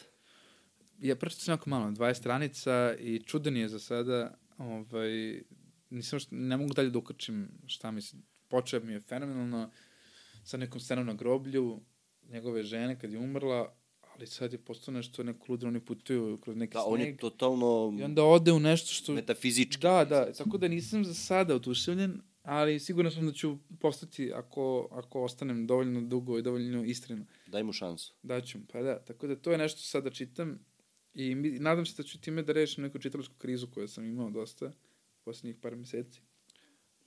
Zbog Iskreno. čega nastaju kod tebe čitalačke krize? A- Sad je nastala zbog toga što sam radio dosta. I što Mhm. prosto nemam, uh, stalno nešto radim i nemam vremena da se svrtim, da ono, da sednem i čitam. Inače, mogu čitam i u pokriti sve, ali ovo je bio baš intenzivan period. I čekam da prođe. Mhm. Iskreno, čekam da prođe, čekam da, nadam se da će novembar biti jako dosadan. Da. Tome se radujem. Novembru, prvi put u životu, da bude beskreno dosadan. I da se u njemu ništa ne dogodi. Znači, toliko je bilo in- intenzivan period iza tebe da... Če, čekam, čekam depresiju. Kakva je Amerika? Amerika je velika. Amerika je jako velika. Dobro. I, i nesaglediva i super poznata i super nepoznata. I ona je um, pa bukvalno ono, sve od, od prerija do, do, do pustinje, do planina, do jezera, do ljudi koji su ono, evidentno začavoreni, neobrazovani, do hiper uspešnih ljudi Los Angelesa i Njorka, do hiper ono, imbrida i krekeda na putu koje srećeš ogromne. I to je stvarno meni najveći doživljaj što je Amerika Amerika je stvarno nesaglediva. Mislim, jer ne možemo pričamo o Americi, možemo pričamo o Njurku, možemo pričamo o LA, možemo pričamo o, o, Pa to je toliko o velika... o Kentakiju ili, ili Iowa ili Kansasu, da pričamo o Americi generalno, to je, ja ne znam šta bi ti rekao, to je, to je sve. Bure puno svega i svačega. Možemo Bure pričamo o puno određenim govana. državama. Čak Da. ni tu ne možemo cijele države stavimo u isti koš. Država New York i grad New York su dve stvari. Te slušao Jugo. Slušao je kako je, koliko je mogao da sluša. Koliko, je, koliko ste kilometara prešli sa njim? Nešto Prešli smo 10.000? de, da, oko 10.000. O, 10.000 km i mislim, bilo je napeto. Jer kao stalno, uzeli smo ga već u lošem stanju u Pensilvaniji, tako da um, jebi ga, jugo je to, nije on predviđen za, jugo predviđen za kupovinu. Za, za, za, za u shopping, za, za međugradsku, međugradsku vožnju. vožnju od, od gradića do sela. Da, Jugo nije predviđen za široke puteve. za autobanove. njih. Da, da. Baš nije. I kako ti izgledao jedan dan tamo u Americi, u suštini? Zavisi, svaki put je bio drugačiji, ali kao generalno probudiš se, snimali smo te dokumentarac, probudiš se i ti staviš bubicu i sve što gledaš oko sebe je nešto što moraš da snimiš. I nisi ti tu zarad sebe koji gleda stvari, već tu zarad filma koji treba prikaže nešto. Tako da zapravo dva meseca smo bili u tom jugu, a dva meseca jeste fokus na vožnji, jeste fokus, ali više ti je fokus na tome šta je to što ćeš propustiti da vidiš, a ne šta ćeš vidjeti. I onda Da. stalno nešto loviš, stalno si u nekom a, iščekivanju i, i stalno si u ono, stanju ozbiljne napetosti, jer um, toliko je toga, kažem, ne, toliko je nesagledivo da ti stalno čekaš i gledaš i tražiš i juriš i mi tokom jednog dana snimamo dva sata, tri sata materijala. Da. Znači, i onda, ali imaš samo osjećaj da nešto ti fali, da nešto ti nije dovoljno, da... Tako da, uh, to su dve intenzivne stvari odjednom. Jedno je vožnja koja je naporna zbog toga što je jugo, ja sam dobio išijaz posle toga. Ozbiljno. Majke mi, pa brate, Zami, pa da, ja kao neko ko ima 1,90 m, teško bi se izborio sa tim. užasno je. I, mislim, naš snimatelj ima, ima, ima 1,98 O, ko? Snimatelj Aleksa Snimatelj. Borković, Kako je on preživeo? Je? 1,98 S nama su bili onda i Aleksandar Blažić i Ivana Finci i produkcija iz Njorka iza. On je preživeo, on je, mislim, on je čak i zaspao jednom u jugu. Zaspao. Na, na zadnjem sedištu je lego i zaspao. I Ivana je spavala i, i Jaki je spavao. Tako da događalo se čak i to. Ali, ali e, naporno je za telo voziti, naporno je još što ti voziš, akter si filma i gledaš okolo šta ćeš da vidiš, a sve što vidiš, gde god okreneš kameru je dobro. Da. Razumeš? To je, to je, što, to je ludilo od, od, od onoga što ti vidiš, jer to nije nešto što ti tu krave koje vidiš su zapravo krave koje vidiš ovde, ali za tebe su u tom trenutku to krave Kanzasa. Da. Znaš, krave Kanzasa zvuče. Tako je. Znam se, ja moram da snimim kravu Kansas i moram da uhvatim kravu Kansas. Tako da dan je gleda, probodiš, staviš bubicu i onda juriš. Kadar juriš priču i onda uveče skineš bubicu, kad god izađeš na piće. Pa ima neku, nekog ludila u celoj toj Kako? priči. Pa cijelo, pa ludilo je, ludilo je početka do kraja. Tako je. Ti moraš da budeš lud da bi, taj, da bi, da bi, da bi dva meseca Dva meseca tu, vozio juga i, je. i snimao svaki dan. pa mislim da voziš i najveći auto na svetu, mislim samo ta jurnjava za pričom i To kao... je čisto ludilo zapravo. Da, da. Kad, kad, sad razmislim kako je sve došlo, šta je, to je čisto ludilo. Pro, šizofreno je poprilično. Mislim, I, I na kraju snimanja smo imali malo ono to pokušaj pa povratka u realnost kao šta je to što će te vratiti u to da ne igraš više kadar, znaš. mhm, Imali smo tu scenu gde prosto nismo znali kolektivno, kad se vršilo snimanje, nismo znali kako sad da funkcionišemo dalje. Jer ti si postao svoj lik, ti si postao neko ko je na kameri, tako je. ti si postao Hteo ti ili ne na neki Ja, način glumiš. uloga koju igraš. Tako je. I onda se završi, onda si, ja sam sad isti ja koji sam bio dva meseca, ali nisam. Da. A jel si imao te momente kada se ugasi kamera, kako si, kako si to vreme voleo da provodiš? Uglavnom spavajući, pretpostavljam. Pa, izlazeći. A izlazići? Dosta smo izlazili, kada smo, kako smo mogli, na svakom mestu gde možemo, mi izađemo. U Nešvilu smo imali slobodan dan, Mhm. pa napili smo se ko životinje. U, bukvalno smo išli na bar hopping od 12 popodne do 2 ujutru. Meni je on dobro bilo. I onda sutradan pauza. Nije su razno, rad. Sutradan rad. Vratiš se. Ali kao dan pauze, eto, to je, imali smo taj dan pauzu u Nešvilu i dan pauzu u Santa Fe. U Santa Fe je bio miran dan, u Nešvilu je bio haotičan. Tako da su, eto. Ali kad se ugasi kameru, glavno smo, je, treba ti neki luft, treba ti, treba ti da izađeš napolje. Znaš, i treba ti, a sada, već smo treba da se naspao. Da. Jeste Kada upozn... je prošlo, ono, kada Aha. je prošlo adrenalin. Pa jel uspevaš sa tim? Pa ne još, mislim Ne. da čekam novembar. Čekaš novembar. Da prođe ovo za knjigu i za... Prođe za knjigu, da, pa da, Da. Sad kreće montaža filma sutra, mislim sutra, kad bude išao podcast, bit će ranije, Da. ovaj, kreće montaža filma, tako da, ovaj, haos. Kad planirate da izbacite taj film? Pa, sledeće godine na festival, nadam se, negde oko novembra, tako da, na, i onda će biti bioskopska distribucija, odnosno TV distribucija od decembra 2025. To preko United Media, oni su zapravo i finansirali Da. naš put. Tako da 2025. a 2024. će biti uh, projekat se zove Ju- Jugo ide u Ameriku, tako da će tako vratno se zove i film. Dobro. Treba od 70 sati materijala sada da mi šupamo sat i po. Samo 70 sati za dva meseca. Da, 75. 75, pa dobro. Znači, I to treba da se svede u Sat i po. sat i po. Da, Ništa lakše. Šta to je samo? samo sec, ko salamu. Da, da. Kao ono, ono, Fruit Ninja je. Da, da, To-. Jel, e, ste upoznavali tamo ljudi dosta? Kako ne, poznavali smo i ljude koji su u vezi s jugom i ljude koji nema veze sa jugom. Upoznaješ razne, znaš, postali smo prijatelji s ljudima. Fokus je bio baš na jugu. Pa na jugu, na ljudima koji voze, na istoričarima nekim, na ljudima koji popravljaju i dalje tamo, na našim nekim ljudima, bosancima i srbima u Ajovi, Chicago, na, mislim, fokus je bio na putu, ali bio na, i na ljudima koji ima veze sa jugom, znaš. Ali upoznavali smo razne ljude i, posle, i ono što je zapravo najdivnije, recimo, ostali smo prije, ja sam se nedavno čuo sa Nikom Bajgrevom iz Ohaja. Znaš, to sad neko ljudi koje bi ja zvao na svadbu. Mislim, nije, nije kod imam svadbu. Da, da, da, ali, da, da, ali, da. kad imam svadbu, zvao bih On bi bio prvi. Tako. Pa ne bio baš Dobro, prvi, ajde. ru- ružne premostane.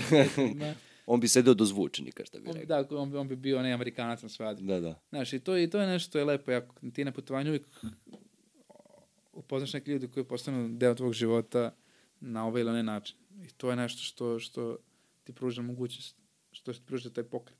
A to je stalna interakcija s ljudima i onda ti od 20 ljudi koje upoznaš sa jednom ostan, ostaneš u kontaktu. A ta jedna odmah postane deo tvog života. I to je kao neki ono, suvenir sa putovanja. Pa dobro, ali m, da li, koliko je značajno iskustvo ono koje si ti iz tog putovanja, nazvaćemo ga tako, koliko je značajno za tebe iskustvo koje si izvukao Pa, iz svega za toga? mene je to značajno iz razloga što želim da se time se bavim i dalje, da snimam dokumentarce tog tipa, ne, ne jugom, ali tog nekog ono um, avanturističkog tipa i volao bih da trajem i dalje. Kao neki video putopis. Pa, k- da, kao filmove. Mislim, ovo je snimljeno kao film, nije snimljeno kao reportaža i sad ja tra, tražim drugu priču, trenutno sam u procesu tražim druga priča koja opet ima taj neki odlazak negde, neko jurenje opet nečega i to mi se sviđa kao, kao ideja. Tako da volao bi zapravo da, da se malo još više ono, um, to ti kažem, to mi je promenilo, jer nisam nikad mislio da ću snimati dokumentarac. I sad odjednom mi se fokus promenio, ok, sad imam romane, ću da pišem, to shvatio sam i dalje da volim, a želim da snimam dokumentarac, želim tu akciju u sebi. Za mene to ranije bila muzika, ta vrsta ono bega od pisanja. Da, ti si imao i jedno vreme svoj bend. Pa da, neko, a sada mi je to, mi čini mi se više fokus na, na filmove, odnosno na dokumentarnim filmove. Tako da vidjet ćemo, uvek je mislim da je pisanje dobro imati neki fokus koji je odmak od, od tebe i pisanja. Jel sad odmaraš od pisanja? Sad da. Sad da. Vidjet ćemo koliko dugo, ali sad, mislim, odmaram, odmaram od supisanja, imam neke budalaštine koje pišem ovako, koje moram. Dobro, mislim, odmaraš od pisanja Odmaram novog romana, Da, recimo, ili da, tako nešto. da. Mislim, pišeš kondiciono, što bi rekao. Pa moram nešto. Za, za pare. Da. Pa mora od nečeg da se živi. Pa da. Kako je, kako je živeti od pisanja? Pa nije, još živim od predavanja, Pa, živim od... Uh, Dokumentarca. pa dokumentarno ne živim, to, to je... Šalim se, naravno. Mislim, živim od predavanja, živim od, od radio emisije koju vodim na Radio Beogradu, živimo od, uh, od nekih tako tezgi sa strane koje ulete, koje imaju veze s pisanjem, ali nisu od romana ne živim, mislim, od, ro- roman je um, ovaj, eto, malo sam više par dobio za ovaj, odnosno na prošli, ali to je, to je sve što pokriješ mesec dana života. Pa dobro, i zbog marketinške promocije dobio, mislim, i više je prodat nego prošlo. Jeste, jeste, ovo je sad je otišlo, mislim, Skoro je bilo, mislim sad, u periodu kad mi snimamo, ja mislim da je prošlo tipa dve nedelje od kako je izašlo, tako? 20 dana, sad 500 primjeraka samo u bukinim knjižarama, to je super, ovaj, Da. prošlo, ne znam koliko drugim knjižarama još, ali, eto, hoće štampa i drugo izdanje sada, njima su, su tiraži 2000 i eto, to je dobro, mislim, jer ja sam, vidim sad, Lom je i Tomaš je 500 Tako je. primjeraka i Podsnarima je bio 500 i Johnny je bio 500, sad jednom bum 2000, znaš, Da. i onda, ti, i onda kao, eto, štampaće novi za 2000, što će biti 4000, to je već za mene kao jebate, Ali malo je poražavajuće, mislim poražavajuće, kad ti pogledaš, ajde sad koliko je poražavajuće, koliko nije, počeo sam loše, ali čudno je kad ti pogledaš da recimo Srbija, zemlja koja ajde, po, po, ono što kažu ima 6,5 miliona stanovnika, da se recimo zbirka neka poezije proda u 100, 200, 300 primjera. Pa dobro, da, ali kao, ok, kod nas je Radmila Petrović prodala u 11.000. 11.000 primjeraka. Znači Radmila.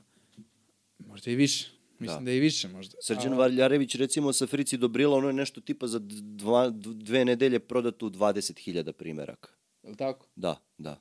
Znam kad je izašlo da, da je baš ono kao najprodavanija Ovo knjiga. je 2.500 ovaj tiraž, ne znam koji je. To je među prvim tiražima, ja sam to kupio čim je izašlo. Eto. Ovaj, ne, ne znam sad ni ovi tiraži, ali sad nebitno za tiraže. Bitno Pa evo, da... opa, istina. Recimo, uvatio si se za, za Tabaševića, ja mislim da je to 500, a da je... Nije moguće, 500 dobio Ninovu nagradu za ovo. Ovo je tiraž 20.000. A 20.000, a onda je ovaj pre toga Mislim, bio mora, 500. nije, Ninove nagrade imaju te tiraže Da, po da. 10-20 hiljada. To A, ali mislim da je 500 bilo, ja mislim ovaj pre njega, pa kao. Moguće, moguće. Nije pet, ako je Laguna morala biti 2000 ili 1000 i po, Da, je Laguna. Ali ovaj, ili je nebitno, ali opet, više. Da, nebitno, možda i lažem, da, ali, da. ali recimo mi smo odnosno na Hrvatsku kudi kamo bolje s tiražima. Ozbiljno ti? Da, da. Mnogo više, oni imaju od 500, 700, 800, da štampaju neku knjigu 2000 primjeraka skoro nikada ne rade. Baš sam pričao pre par dana Da. sa njim. Tako da, nismo mi toliko, kod nas je, mislim, ne znam, u Americi ti je bestseller što rekao, ovaj, koliko ono, kad se proda 5000 nedeljno, Da, ali zemlja od 320 miliona stanovnika. tako je. Tako je. Tako da, šta znam, ako se proda kod nas 20.000, to je već... To je već ozbiljna knjiga za koju malte ne kompletna čitalačka publika zna. zna. Tako je, to ko se proda 20.000, taj je pokrio sve. Tako je. Pa da. Ali sad, da li, da li se to tako malo čita ili je pro, prosto vreme kada ljudi, kada ima toliko, kada smo u vremenu hiperprodukcije, da toliko sadržaja ima da ti više ne znaš dokle. Pa ne znam ni ja, mislim, koji kao pišem i to, debe, nemaš svaki roman ispratiti. Tako je. Mislim, et, ovaj roman je ispraćen sada, to je dobro marketinški urađeno, pa onda Ili pritom ja za tebe znam i od ranije, pa sam povezao zato što pratim Buku, pa, Pa, da, ali kao recimo. Buka ima to marketinški lepo urade, Da. ljudi im veruju i onda kupe, ali kao jako je teško doći do čitaoca ukoliko nisi u top kućama ili Da. ukoliko nisi basar, pa ti kupe na ime. Tako je. A knjige ljudi kupuju ili na ime ili na nagrade, jer prosto vide tri knjige, ova ima Gonkurovu nagradu, ova ima ništa, uzet ću Gonkurovu. Mislim, što bi išt... I to je logično. Tako je. Jer Tako ljudi, znači kao, e, jedno su ljudi iz posla koji kupuju knjige, pa onda biraju po kvalitetu, drugo su ljudi koji biraju po koricama, biraju po uh, nagradama, biraju, to je sve za mene legitimno. Ti moraš da svoju knjigu reklamiraš kao izdavač ako hoćeš da se knjiga prodaje. Tako ne možeš ti da kažeš neki kvalitet presudi. Pa ne može, brate. Ne može da da presudi u moru. U moru knjiga, ti kad se vraćaš opet na hiperprodukciju, kada svako drugi izdaje maltene Sva, znači, knjigu. ne može da presudi kvalitet sam. Tako je. Pored ja, mi smo odavno uh, ne živimo u doba kvaliteta toliko, je kvalitet se, pre, nego živimo u doba reklame. Mislim, Lako je recimo da se kvalitet istakne u 18., 19., 20. veku kad si ti na teritoriji Srbije imao možda 30 pisaca. Pa da. 20-30 pisaca da ti imaš izbor između njih 20-30 i ti ćeš sad da izabereš. zabereš, probereš, Probereš čuo pro- za ovog onog, a ovo sada, brate, stvarno, ja, ja, Tako ja, sam, ja sam uveren da je potrebno, ako ćeš da izd- izdaš knjigu, trebaš da reklamiraš, moraš da reklamiraš. I to je, nažalost, to nije nešto što je napisao da radi, ne Tako treba je. da radi, to je nešto što je na izdavaču. Pa to je ono što je najveći Buka problem. e, Kako, kako naterati, mislim naterati, kako pisac da objasni sobstveno delo. To je ono, postaje malo iluzorno. A postaje bez veze. Da, jer kao, ok, ako te zanima moje delo, uzmi ga i pročitaj ga, nemoj da mene pitaš šta ja. A pita me kako sam, ali Tako je. ćemo da vidimo. Mislim, zato mi se sviđa što ovaj razgovor je ličio na sve samo ne na Na razgovor o knjizi. Da, da. A, ali e, u suštini e, koliko, koliko ljudi od tebe traže da demistifikuješ u suštini sobstveno delo? Jel te pitaju o, o, tome da li je ovo misle autobiografija? Da, pa pitaju, ali manje više, baš briga za to iskreno. Da li nije, s koga briga, mislim, knjiga je. Tako je. Ja sam, čim sam stavio drugo ime junaka, a ne Filip, jasno je da, da, da to mora biti neka vrsta fikcije. U nekim situacijama. Znaš, to je ono odmah koji svako hoće pročitati da sam ja teo da budem Pa neki autobiografija, ako se svodi na sećanje, to po automatizmu postaje Pa, fikcija. To je falsifikovano sećanje. Tako je. Ali prosto demistifikacija mislim da je super do nekog trenutka. Jer ti kao ne znaš ni, mislim, glupo je mistifikovati, pa sad ja sam to ne znam šta, ali postoji taj trenutak tokom pisanja kada ti zaista ne znaš šta si uradio. Da, Kada ne znaš kako si došao do nečega. Sad, to nije mistifikacija, to je stvarno. Da. imaš trenutak u kojem, kojem je nešto izašlo iz dupeta. Zašto je to izašlo? Ja to ne mogu nekad racionalno da objasnim. Ja to ne mogu da objasnim ni a, strukturalno.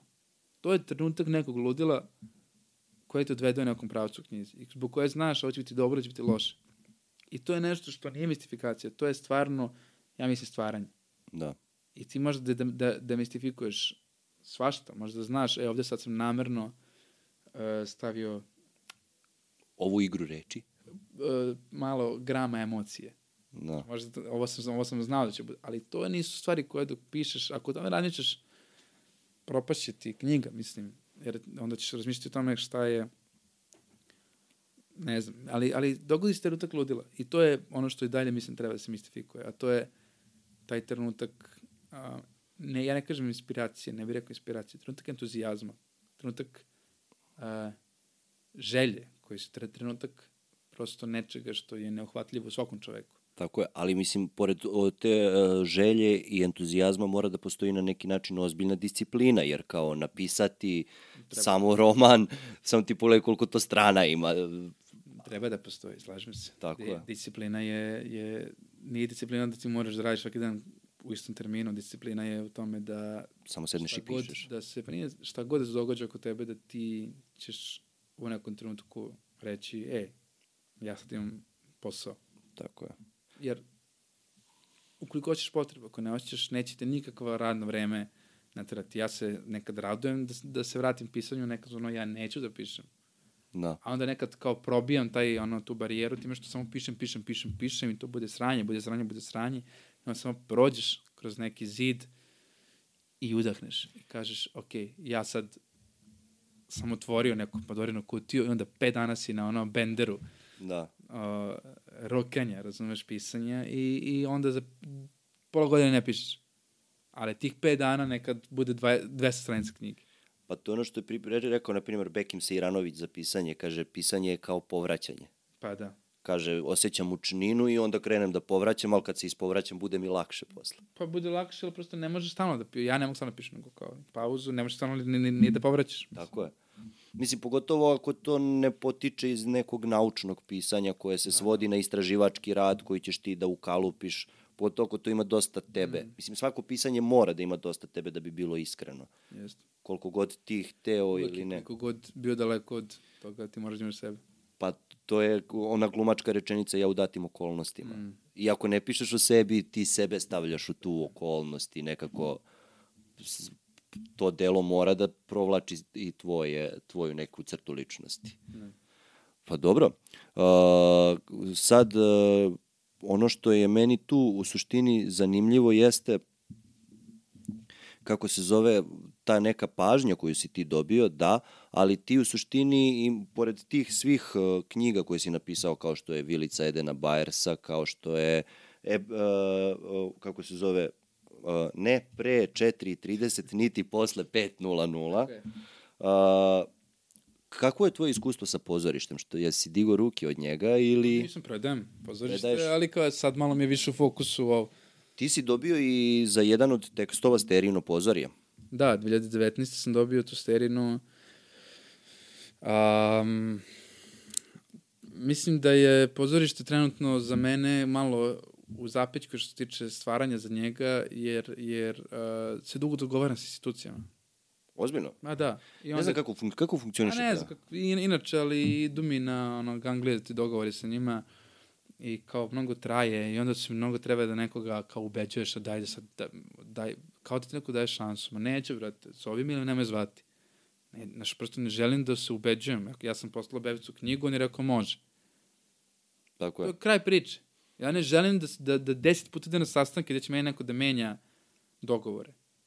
Znači, prosto, ja ću da, što mene tiče, ono, institucije Beogradskog pozorišta su golo govno. I je- ja to zaista mislim. I mislim da, ono, saradnja sa njima je, je ozbiljno paćenje. Jer stalno neko dugovlačenje, pa neki ta, ono, veo nekoga. Znači, ne želim. Bukvalno, ja ću da što mene tiče, da pišem za sebe drame i onda ću da ih u svojoj produkciji, kako imam para za to, postavljam.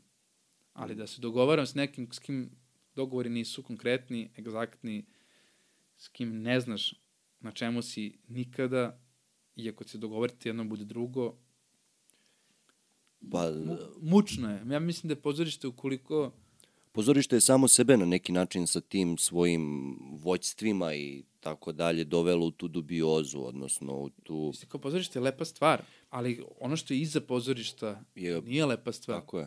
I kao mislim da prosto to vode neki ljudi većinski koji a, koji su stalno nekim svojim internim dogovorima koji razmišljaju isključivo o tome šta je ono s kim će se pojesti jagnjetinu, s kim će... O ličnom interesu na neki Na način. neki način, ali mislim da je to nešto lakše, kao ideš nekim lakše, prosto mučno je kod nas to sam. Ja stvarno mislim da je kod nas mučno s pozorištem.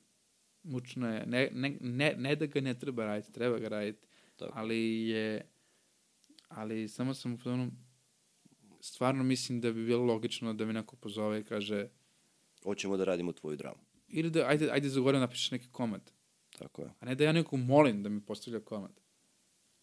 Ako već postavila dva, tri komada predstave, logično da te neko pozove i kaže e, šta pišeš sledeće.